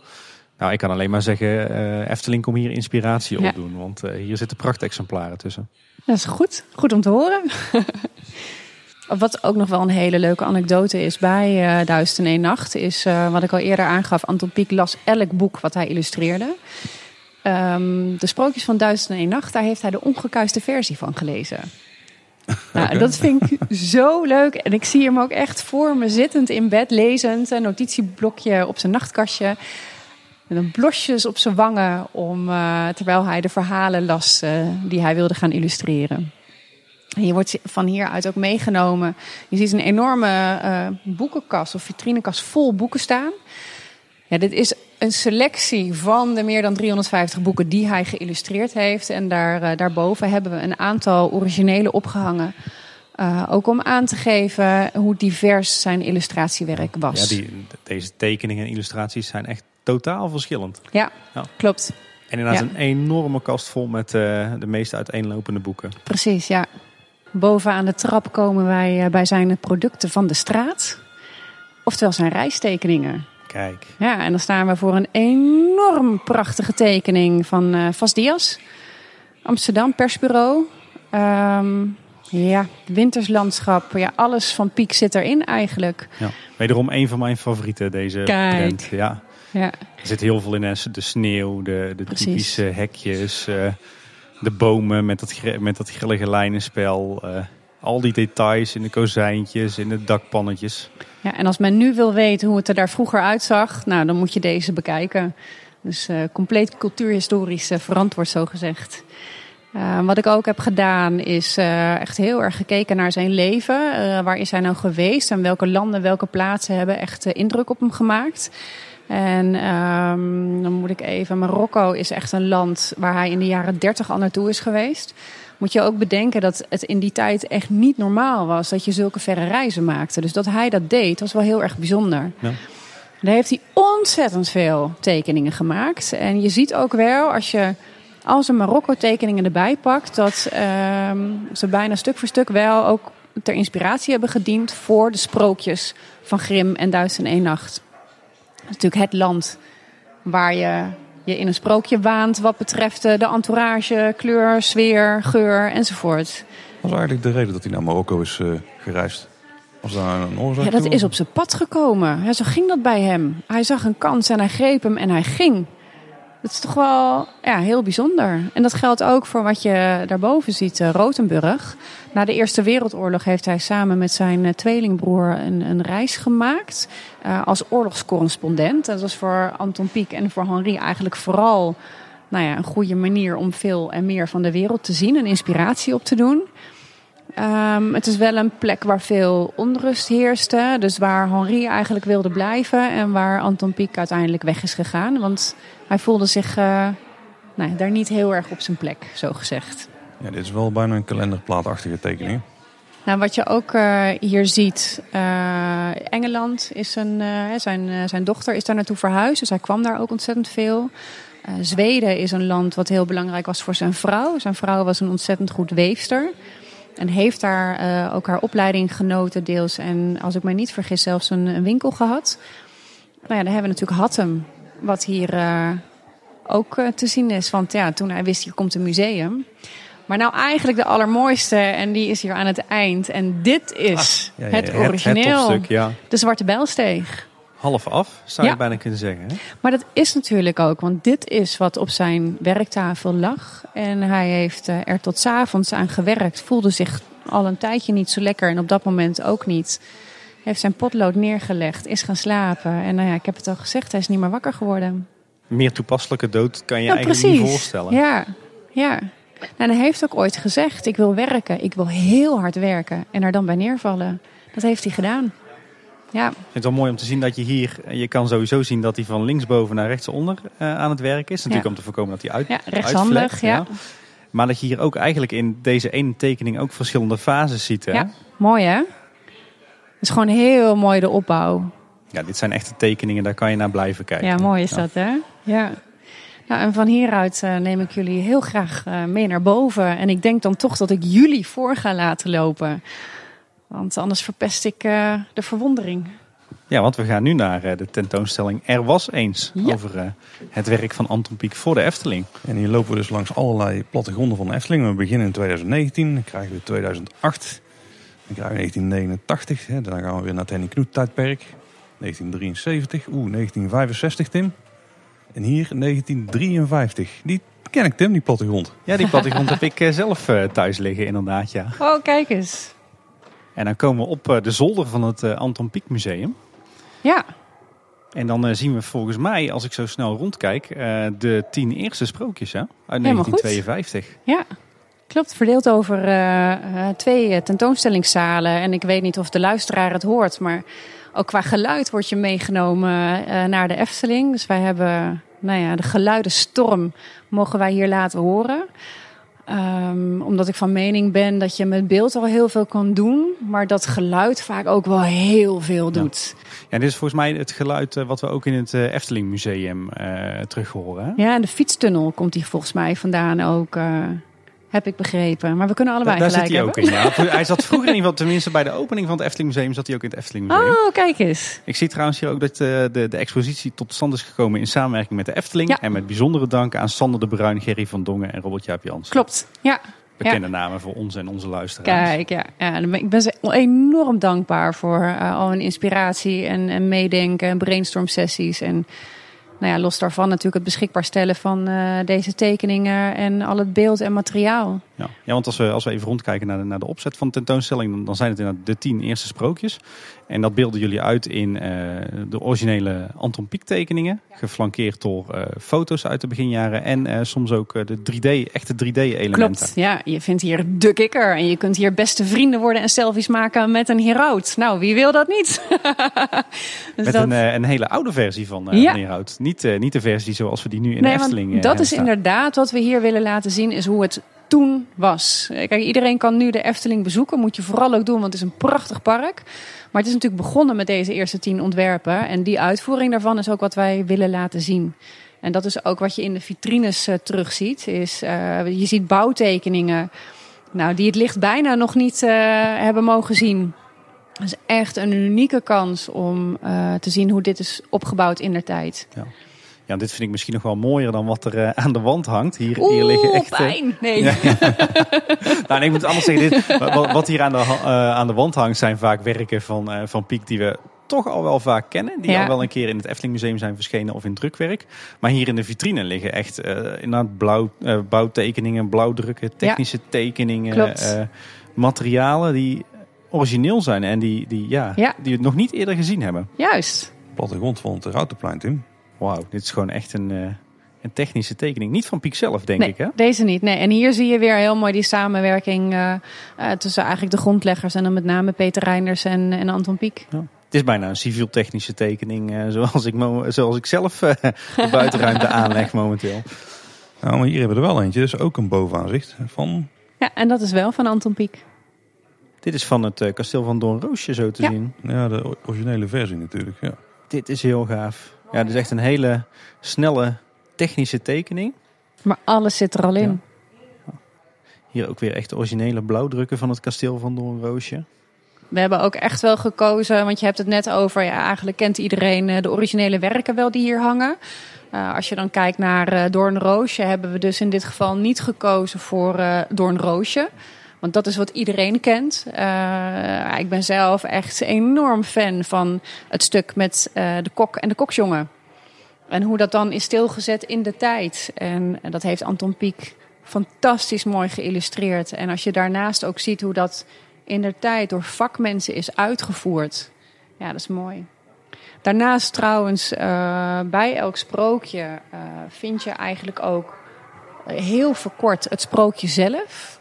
En tot mijn enorme verbazing schijnen veel mensen helemaal niet meer zo goed op de hoogte te zijn van de sprookjes. Ik bedoel, ik wil graag dat jullie zo blijven staan. Zijn jullie op de hoogte van Langnek en zijn rol? Ik bedoel, was hij alleen of... Je bedoelt de zes zes dienaren. Dankjewel. En kunnen jullie ze ook noemen dan? Oh, we mogen zo Ja, Ja, ja, nee, jullie mogen niet kijken. Ja, wie doet het Paul? Doe jij het of doe ik het? Eh, we hebben Springkuit, Puntoor, Langnek natuurlijk. Dan hebben we Kogeloog en dan hebben we Koukleun. Nou, ik ben trots op jullie. Geweldig. Ah, ik heb ze nog geoefend met mijn eh, dochter van. Het sprookje van de gebroeders Grimm trouwens, wat niet veel mensen weten. Want veel mensen denken dat Langnek een eh, vondst van de Efteling is. Maar dat is gewoon een sprookje van Grimm. Mooi hè? Ja. En dat vind ik ook wel eh, iets wonderlijks wat hier gebeurt. Is dat mensen op die manier ook weer echt die sprookjeswereld ingetrokken worden. En weer gaan lezen. En dat zie je met kinderen ook. Dus wij hebben een speurtocht gemaakt. eh, een fantastische speurtocht overigens. eh, waarbij dus niet alle antwoorden te vinden zijn in de expositie. Maar aanzetten tot het lezen van de sprookjes. En er is hier ook ontzettend veel te zien. Hè? Ik zie hier een beetje een gedenkhoekje met eh, zeg maar de, de drie grote Ja. namen uit begin jaren 50. Anton Klopt. Pieck, Peter Reinders en eh, burgemeester Van der Heijden. Het is een beetje de inspiratie. eh, het, is- het moet een beetje het gevoel geven alsof je aan de keukentafel zit bij de drie grondleggers. En met ook het boek De Sprookjes van Grim. En eh, zoals je ziet mag daar ook in gebladerd worden. Dus eh, mocht men zich niet ingelezen hebben, dan kunnen ze alsnog. En inderdaad de drie grondleggers in, eh, in beeld erbij. Ja, je ziet hier ook echt inderdaad wat je al zei, hè, het proces van de tijd. Want ik zie daar een, een tekening van, van Anton Pieck hangen van eh Sneeuwwitje en de Zeven Dwergen. Ja. Ook weer heel erg gedetailleerd. Er staan, ik zie wat doorsnedes. Ja. Een hele oude foto van hoe het er vroeger uitzag in de grot van Sneeuwwitje. Zie een prachtige foto van het sprookje eh, van de kikkerkoning. Ja. Tegen een nog helemaal kaal Herautenplein. Mooi hè? En eh, ook weer een tekening van Piek van Langnek. Maar dan zitten er ook weer allerlei technische details bij. Ja. En afmetingen. En, eh, Ja, hier in de vitrine heb je die tekening waar het in het begin over hadden. Echt hoe heel de nek de grond in Precies. zakt. Ja. ja. Met- Ja, dit is dan volgens mij weer niet de tekening Nee, van Piek. nee. Dit is de, Nee. de, de technische tekening. Misschien van Peter Reinders zelf. Maar als je die tekening van Piek ziet van Langnek. Daar zit ook al heel veel techniek in. Hè? Klopt. Voor eigenlijk eh, een, een ontwerper. Er Ja. zit heel veel maatvoering staat erop. Volgens mij hier trouwens ook nog een oude poppenkastpop Mooi, van? Langnek. Uit eh, de poppenkast op het, eh, het oude Anton Pieckplein. En ik zeg ook wel eens gekscherend eh, als mensen hier voor Langnek staan en zeggen van goh, hij lijkt er helemaal niet meer op. Nee, ook Langnek heeft af en toe een facelift ondergaan. Ja, is ook meegegaan wel. met zijn Gelukkig tijd. wel, ja. ja. ja. Paul, kom hier toch eens kijken. Gewoon een technische tekening van het sprookje van de magische klok. Zit er- Het mechaniekje zit er zelfs ingetekend. De schijven waar de ruit op staan en de kabels eh, die erachter doorlopen. En hoe die draait. Mooi. Het mechanisch ontwerp, eh, zoals het dan eh, zo mooi heet. Mooi hè? Hier trouwens ook een, heel, een, een hele mooie brief volgens mij aan de heer Opdenkamp. Volgens mij was hij destijds de, de aannemer van Ja. de Efteling. Klopt. Eh, en dat is een, een brief van Peter Reiners. Ik ga hem toch even voorlezen, Paul. Eh, en Peter Reiners die schrijft... Geachte heer Op den Kamp, hierbij stuur ik u even voor vergelijking twee foto's van de uitgangspoort. Het zal u ongetwijfeld opvallen dat het torencomplex van de eerste schets veel charmanter, veel sprookjesachtiger aandoet dan de tekening die voor de briefkaarten bestemd is. Zie plaatsing en vorm van vensters, zie torens. Let op korf met raaf en de gezellige dikke rondingen onderaan de toren en het schuine vlak onderaan de muur van de herauten. Ik weet niet of Piek u ook verteld heeft dat hij een beetje spijt heeft de tekeningen voor de briefkaarten niet naar de werkelijkheid te kunnen maken. Daarom zou ik u willen aanraden de foto van de briefkaarttekeningen niet als voorbeeld te nemen, maar bij het afwerken uitsluitend af te gaan op de originele schetsen. Dit ook voor wat betreft de afwerking van het huisje van vrouw Holle. Hierbij ook nieuwe foto's met vriendelijke groet P. Reinders. Fantastisch toch? Kijk, Een schitterend inkijkje Ja. in, eh, in eigenlijk het proces van eh, ontwerp naar Ja. uitvoering. Hè? Ja, en alles met respect, maar toch wel eh, vrij duidelijk eh, weergegeven. Zo ging dat in de jaren 50 dus ook. eh. hier hangen wel verfstokjes, Tim. Ja, dit zijn eh, de eh, Efteling eh, piekkleuren. Piek rood, piek geel en piek blauw. Ja, precies. En dit zijn de kleuren die in der tijd bedacht zijn en tot op de dag van vandaag nog steeds gebruikt worden. Nou, dan heb je toch wel een eh, goed plan gehad, lijkt me. En Ja. eindelijk bevestiging, het is echt geen piekgroen, het is echt piekblauw. Juist. Maar Het ziet wel Dank uit- u. Maar het ziet er wel uit als groen. We gaan snel verder. Nee, wat we ook hier eh, eh, willen vertellen eigenlijk en laten zien... is je hebt hier prachtige foto's van Anton Pieck eh, in het park... waarbij ook hij de kwast eh, in de hand eh, heeft om eh, gebouwen mee te schilderen. Hè. Wellicht wel die highlights waar we het net over hadden... Eh, maar ook bezig is met stenen in zijn hand. Wel met de hoed op zijn hoofd. Blijft een heer. Altijd in pak. Ja, er liggen een aantal foto's tussen die we kennen uit eerdere jubileumboeken. Maar ik zie hier ook foto's die we nog nooit eerder hebben gezien. Bijvoorbeeld van Piek die eh, aan het meehelpen is bij de opbouw van de, de kikkerfontein op het? Herautenplein. Heel gaaf. En het leuke is, we hebben hier een foto van Anton Pieck in een, eh, op een tuinsetje. En eh, we hebben ook nu achterhaald een andere foto met hetzelfde setje. En op Ja. de andere stoel zit dan Peter Reinders. Geweldig. Dus we gaan nog kijken of we die kunnen Ja. toevoegen aan onze expositie. Ik heb hier nog een mooie quote van Anton. Ik moet ook eerlijk bekennen dat ik in die tijd het gevoel had dat de zaak op de fles ging. En dat ik in de toekomst met een hele grote boog om kaats overheen moest om niet gestenigd te worden of iets dergelijks. Mooi hè? Nou, dat is uiteindelijk niet- verre van de waarheid. Ja, precies. Altijd niet per se vertrouwen in het begin. maar- Ja. Nee, en ook een, een mooie quote eh, die aan de overkant van eh, deze doorgang staat, is eh, de kinderspeelplaatsen die je zag, dat was allemaal beton en ijzer. Ontzettend nuchter. En ik vind het zo ontzettend belangrijk voor kinderen dat ze een speelplaats hebben waar ze altijd nog eens aan terugdenken. Dus een speelplaats met romantiek. Kijk, ook een hele bekende Ja. quote inderdaad. We lopen hier bijna tegen een eh, real-life eh heraut op. Hè? Ja. En ook weer een, eh, een prachtige piektekening eh, van zo'n heraut. Nou ja, eigenlijk mooier kun je de tweede zaal niet inlopen door uh, gegroet te worden door de heraut. Uh, en die uh, geflankeerd wordt door zowel de ontwerptekening als een foto uit hoe het in die tijd gerealiseerd is. Ja. Ja, de, het, het, torentje van de magische klok en slimme toon en de ruiters en de ja. wijzerplaat zien er eigenlijk nog identiek uit als hoe we ze nu kennen. Maar de herauten, dat was toch wel een uh, gevalletje papier-maché uh, carnavalsoptocht uh, in de uitvoering. Hè? Het was niet zo erg als. Die trok wel toch echt niet eruit. Niet, maar, maar we moeten ziet... allemaal in de juiste tijd plaatsen, ja, hè, heren? Hier trouwens ook een prachtige prent van uh, het muurtje van het sprookje van de Chinese nachtegaal. Ja. Dat is natuurlijk een van de sprookjes die nu niet meer in die vorm in de Efteling te zien is. Dus nee. het muurtje staat er nog steeds. En de tak staat er ook nog steeds zelfs. Maar, maar dan met de draak erop, hè? Dan met de draak erop, ja. ja. En dan draai ik mij om, Paul. En dan zie ik hier een, een vitrine geheel gewijd aan ons. Ja, de kleine boodschapvitrine. Ja, ik wist dat jullie kwamen. Ik dacht... Uh... Extra uitgestald. ja. Heel veel drukwerk, enveloppen, ja. briefpapier, uh, parkeerstickers, fotoboekjes. Met uh, allemaal een prominente rol voor ja, de kleine boodschap. toen heel goed wat merchandise en marketing en communicatie was. En dat hebben ze natuurlijk geniaal gedaan. Ja, en de kleine boodschap als figuur is natuurlijk geweldig om te gebruiken. Ja, dankjewel. En je hebt ook een technische tekening in dit geval van... Uh... Chinese nachtegaal eigenlijk. En volgens mij ook het, het originele lijstje met uh, het, het, sprookje van de Chinese nachtegaal. Uh, daarop beschreven, die vroeger in het Sprookjesmuseum hing. Wat nu het, het huisje van vrouw Holle is, wou ik zeggen. Maar het is inmiddels met de grond gelijk gemaakt. Heeft ook een tijdje in het Efteling Museum ge, gestaan in de originele vitrine. En nu ligt het hier. Ja, mooi hè? Ja. Ja, nou, dat is echt eentje die erbij uh, hoort. We hebben nog een leuk uh, grapje toegevoegd. Uh, een van de, de takken uit de Chinese nachtegaal is uitvergroot. En daar staat ook een, een nachtegaaltje met een Efteling paddenstoel. En alleen voor hele lieve, brave kinderen gaat hij fluiten. Kijk. Dat is weer een beetje de verwondering op het moment dat je hier met een klas rondloopt en je vertelt dat. De kinderen lopen er langs en dan begint niet te fluiten. En je hebt gezegd, ja, als je heel lief bent geweest, dan gaat hij fluiten. En dan lopen ze er langs en dan gaat hij niet fluiten. Oh, en dan lopen ze er net zo lang langs tot hij gaat fluiten. Je wordt steeds liever als je er langs loopt. Hè? Precies, ja. Nou, hier hebben we wat ze hier de sprekende papegaai noemen. Ook een schetsje, iets... En dat was een van, uh, van mijn, mijn missers, zo gezegd. Uh, waarbij ik enorm dankbaar ben voor de kennis en kunde van Gerry van Dongen. Uh, want ja, in mijn beleving was dat het stoute prinsesje.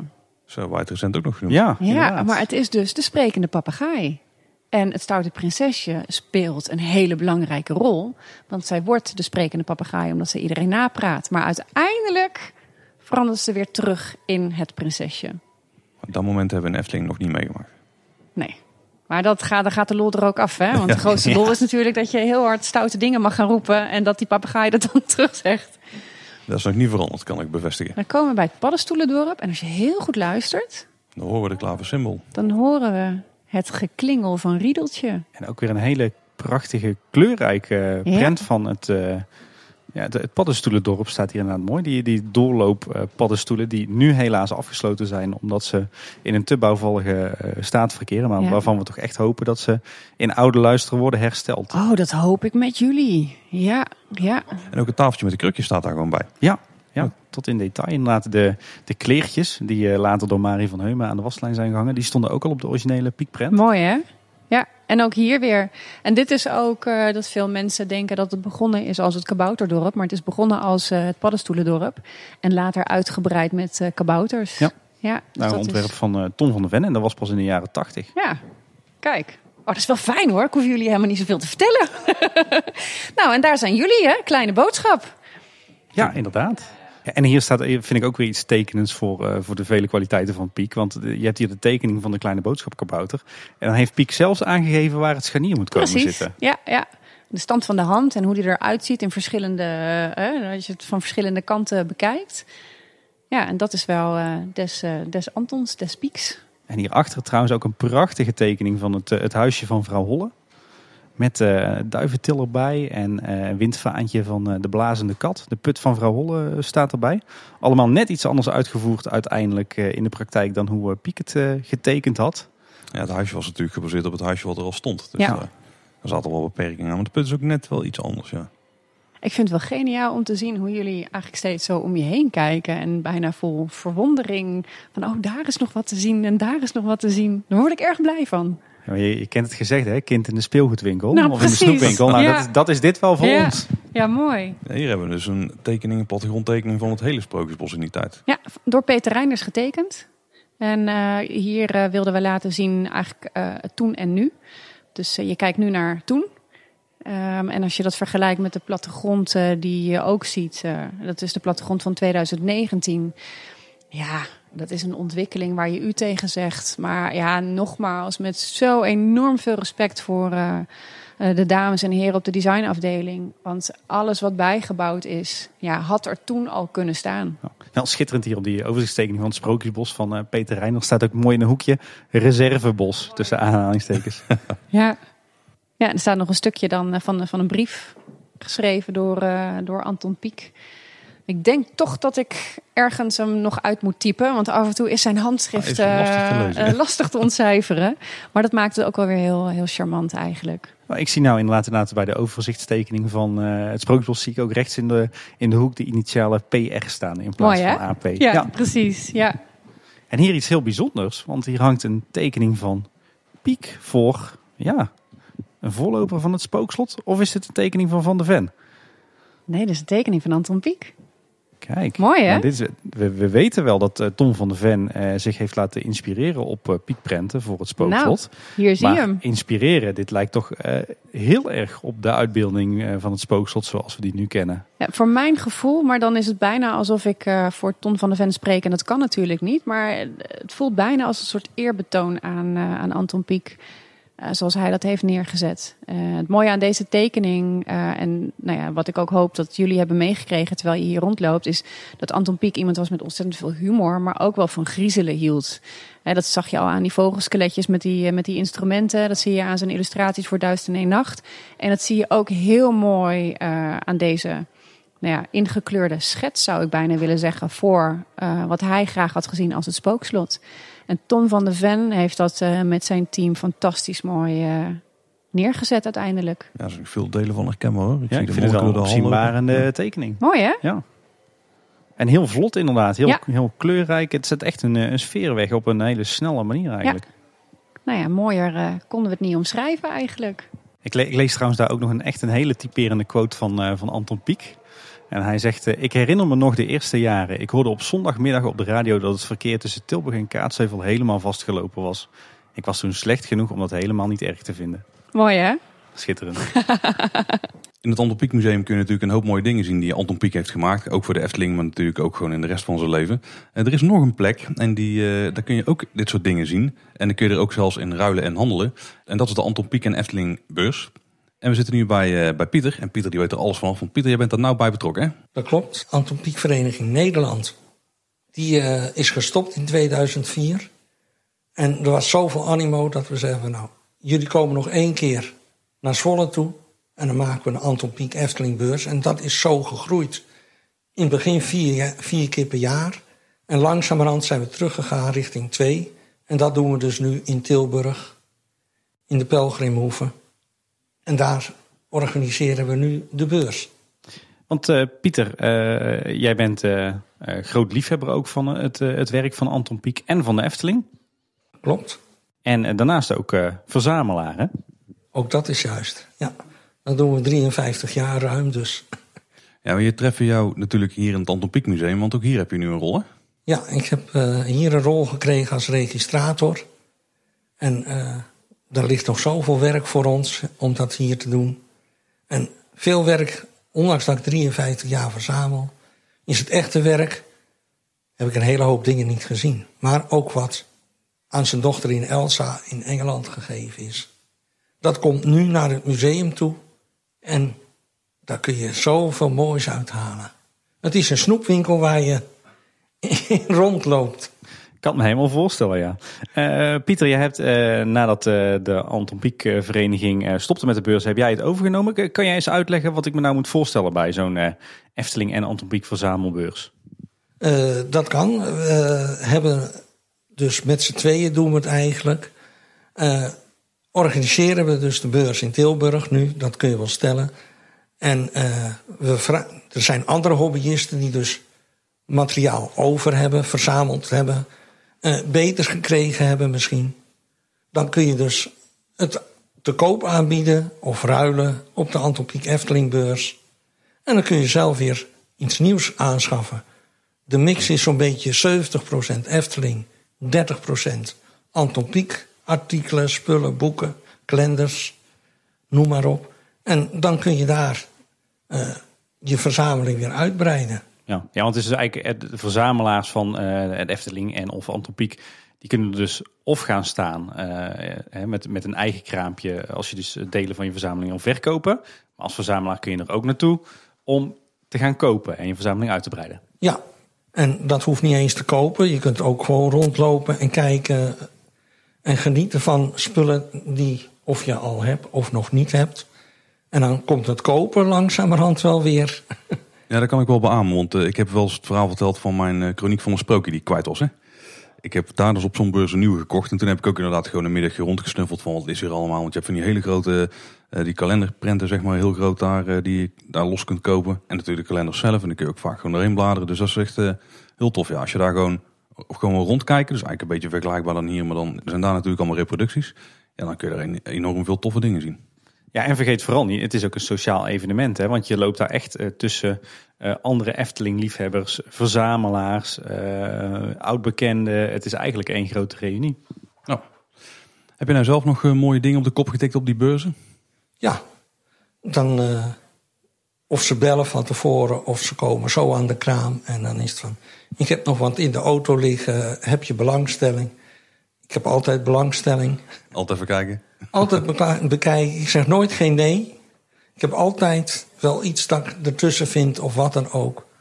En dan kom je altijd wel tot een, tot een vergelijk. Of dat je het ruilt met iets wat hun nog niet hebben en wel bij mij op de kraam ligt. En een, een kelkje van Anton Pieck die in een achterbak van een auto ligt. Van heb je daar belangstelling voor? Dan heb ik daar belangstelling voor. Dus, maar Tim zei net al van uh, je moet wel de portemonnee in de gaten houden. ja. Dat is wel belangrijk. Ja, ja en het, is, het, is, het is wel raadzaam om van tevoren te bedenken van hoeveel wil ik nou uh, ongeveer gaan uitgeven maximaal. Uiteindelijk ga je daar natuurlijk toch overheen. Zo werkt het dan op die beurzen.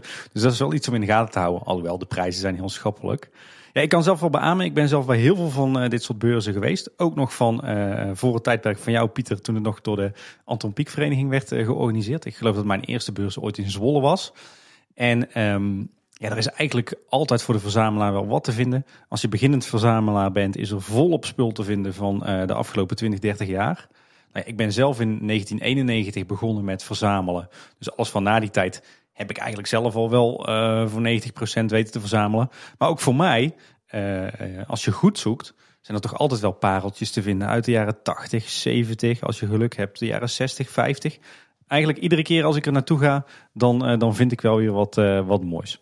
Ja, dat klopt. En zo heb je van de Efteling, net je zegt al, de oudere jaren, oudere beeldjes en dat soort dingen. Dat, uh, daar wordt echt naar gezocht. Ja, ik denk dat we wel kunnen stellen, als je uh, liefhebber, maar zeker als je verzamelaar bent van het werk van Anton Pieck en of van de Efteling, dan moet je een keer zo'n verzamelbeurs hebben meegemaakt. Hè? Nou, ja, absoluut.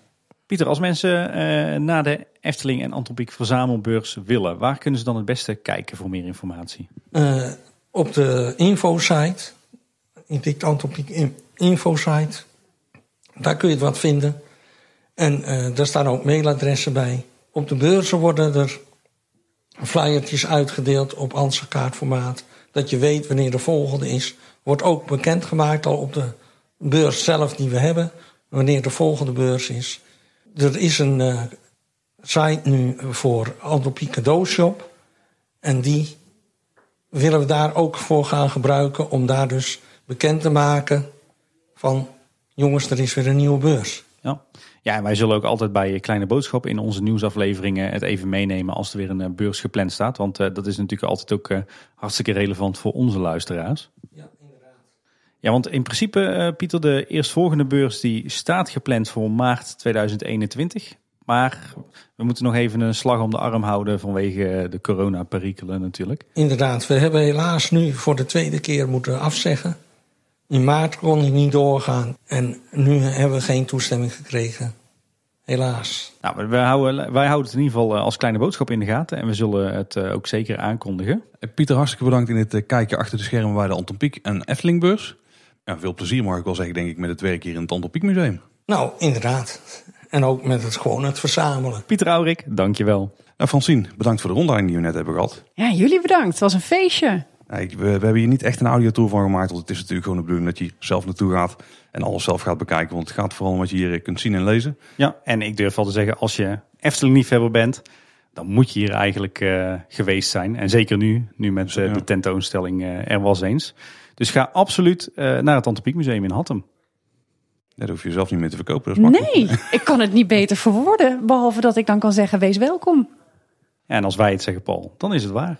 Ja, absoluut. Zeker vanuit het eh, oogpunt van een Efteling-liefhebber. Ja, hey Francine, ontzettend bedankt voor eh, de uitgebreide tour en ook het, eh, het uitgebreide gesprek. Ik ben hoop opgestoken over Anton Pieck, zijn leven en zijn werk. En dat was ook het doel eh, van dit bezoek. Ik hoop dat onze luisteraars ook heel veel eh, zijn opgestoken en eh, nu ook weten dat Anton Pieck veel meer is dan alleen eh, een paar tekeningen voor het Efteling Sprookjesbos. Als mensen nou meer willen weten over Anton Pieck, als we online nog dingen lezen, waar kunnen ze dan het beste naartoe gaan, denk je? Zeker, het is antonpiekmuseum.nl. En we zijn ook te vinden op eh, Facebook en ja, ja, Instagram. Kijk, super hip. Ja, heel goed. Dus volg het ook daar als je daar iets meer van wil weten. Ja, Francine, nogmaals ontzettend bedankt voor de gastvrije ontvangst en alles wat je ons eh, vandaag eh, geleerd hebt. Het eh, was een topdag. heel graag gedaan. Dank jullie wel. Ja, mocht je naar ons willen volgen, dan kan dat via Instagram, dan kan dat via Facebook. Daar zijn we Kleine Boodschap. Wij zitten er ook op. Kijk. Hey, hey. Maar het kan ook via Twitter, daar zijn we @kboodschap. Ja, en eh, daar zijn we eigenlijk het best bereikbaar. En verder een website, kleineboodschap.com. Daar vind je alle afleveringen. Daar vind je de show notes behorende bij de afleveringen. En daar vind je ook een eh, contactformulier waar je je reactie achter kunt laten. Mailen kan naar info Kleine Boodschap en luisteren via een podcast app. Dan moet je natuurlijk even op abonneren klikken. En dan krijg je nog meer van dit soort afleveringen binnenkort in je podcastfeed te zien. Ja, dan kan ik zeggen, dat is de moeite waard. Want ik heb van jullie verhalen daarop ook enorm veel opgestoken. Kijk, dat horen we graag. Dankjewel. Voor nu in ieder geval bedankt voor het luisteren. Tot de volgende keer. En houdoe. Houdoe waar. Dag.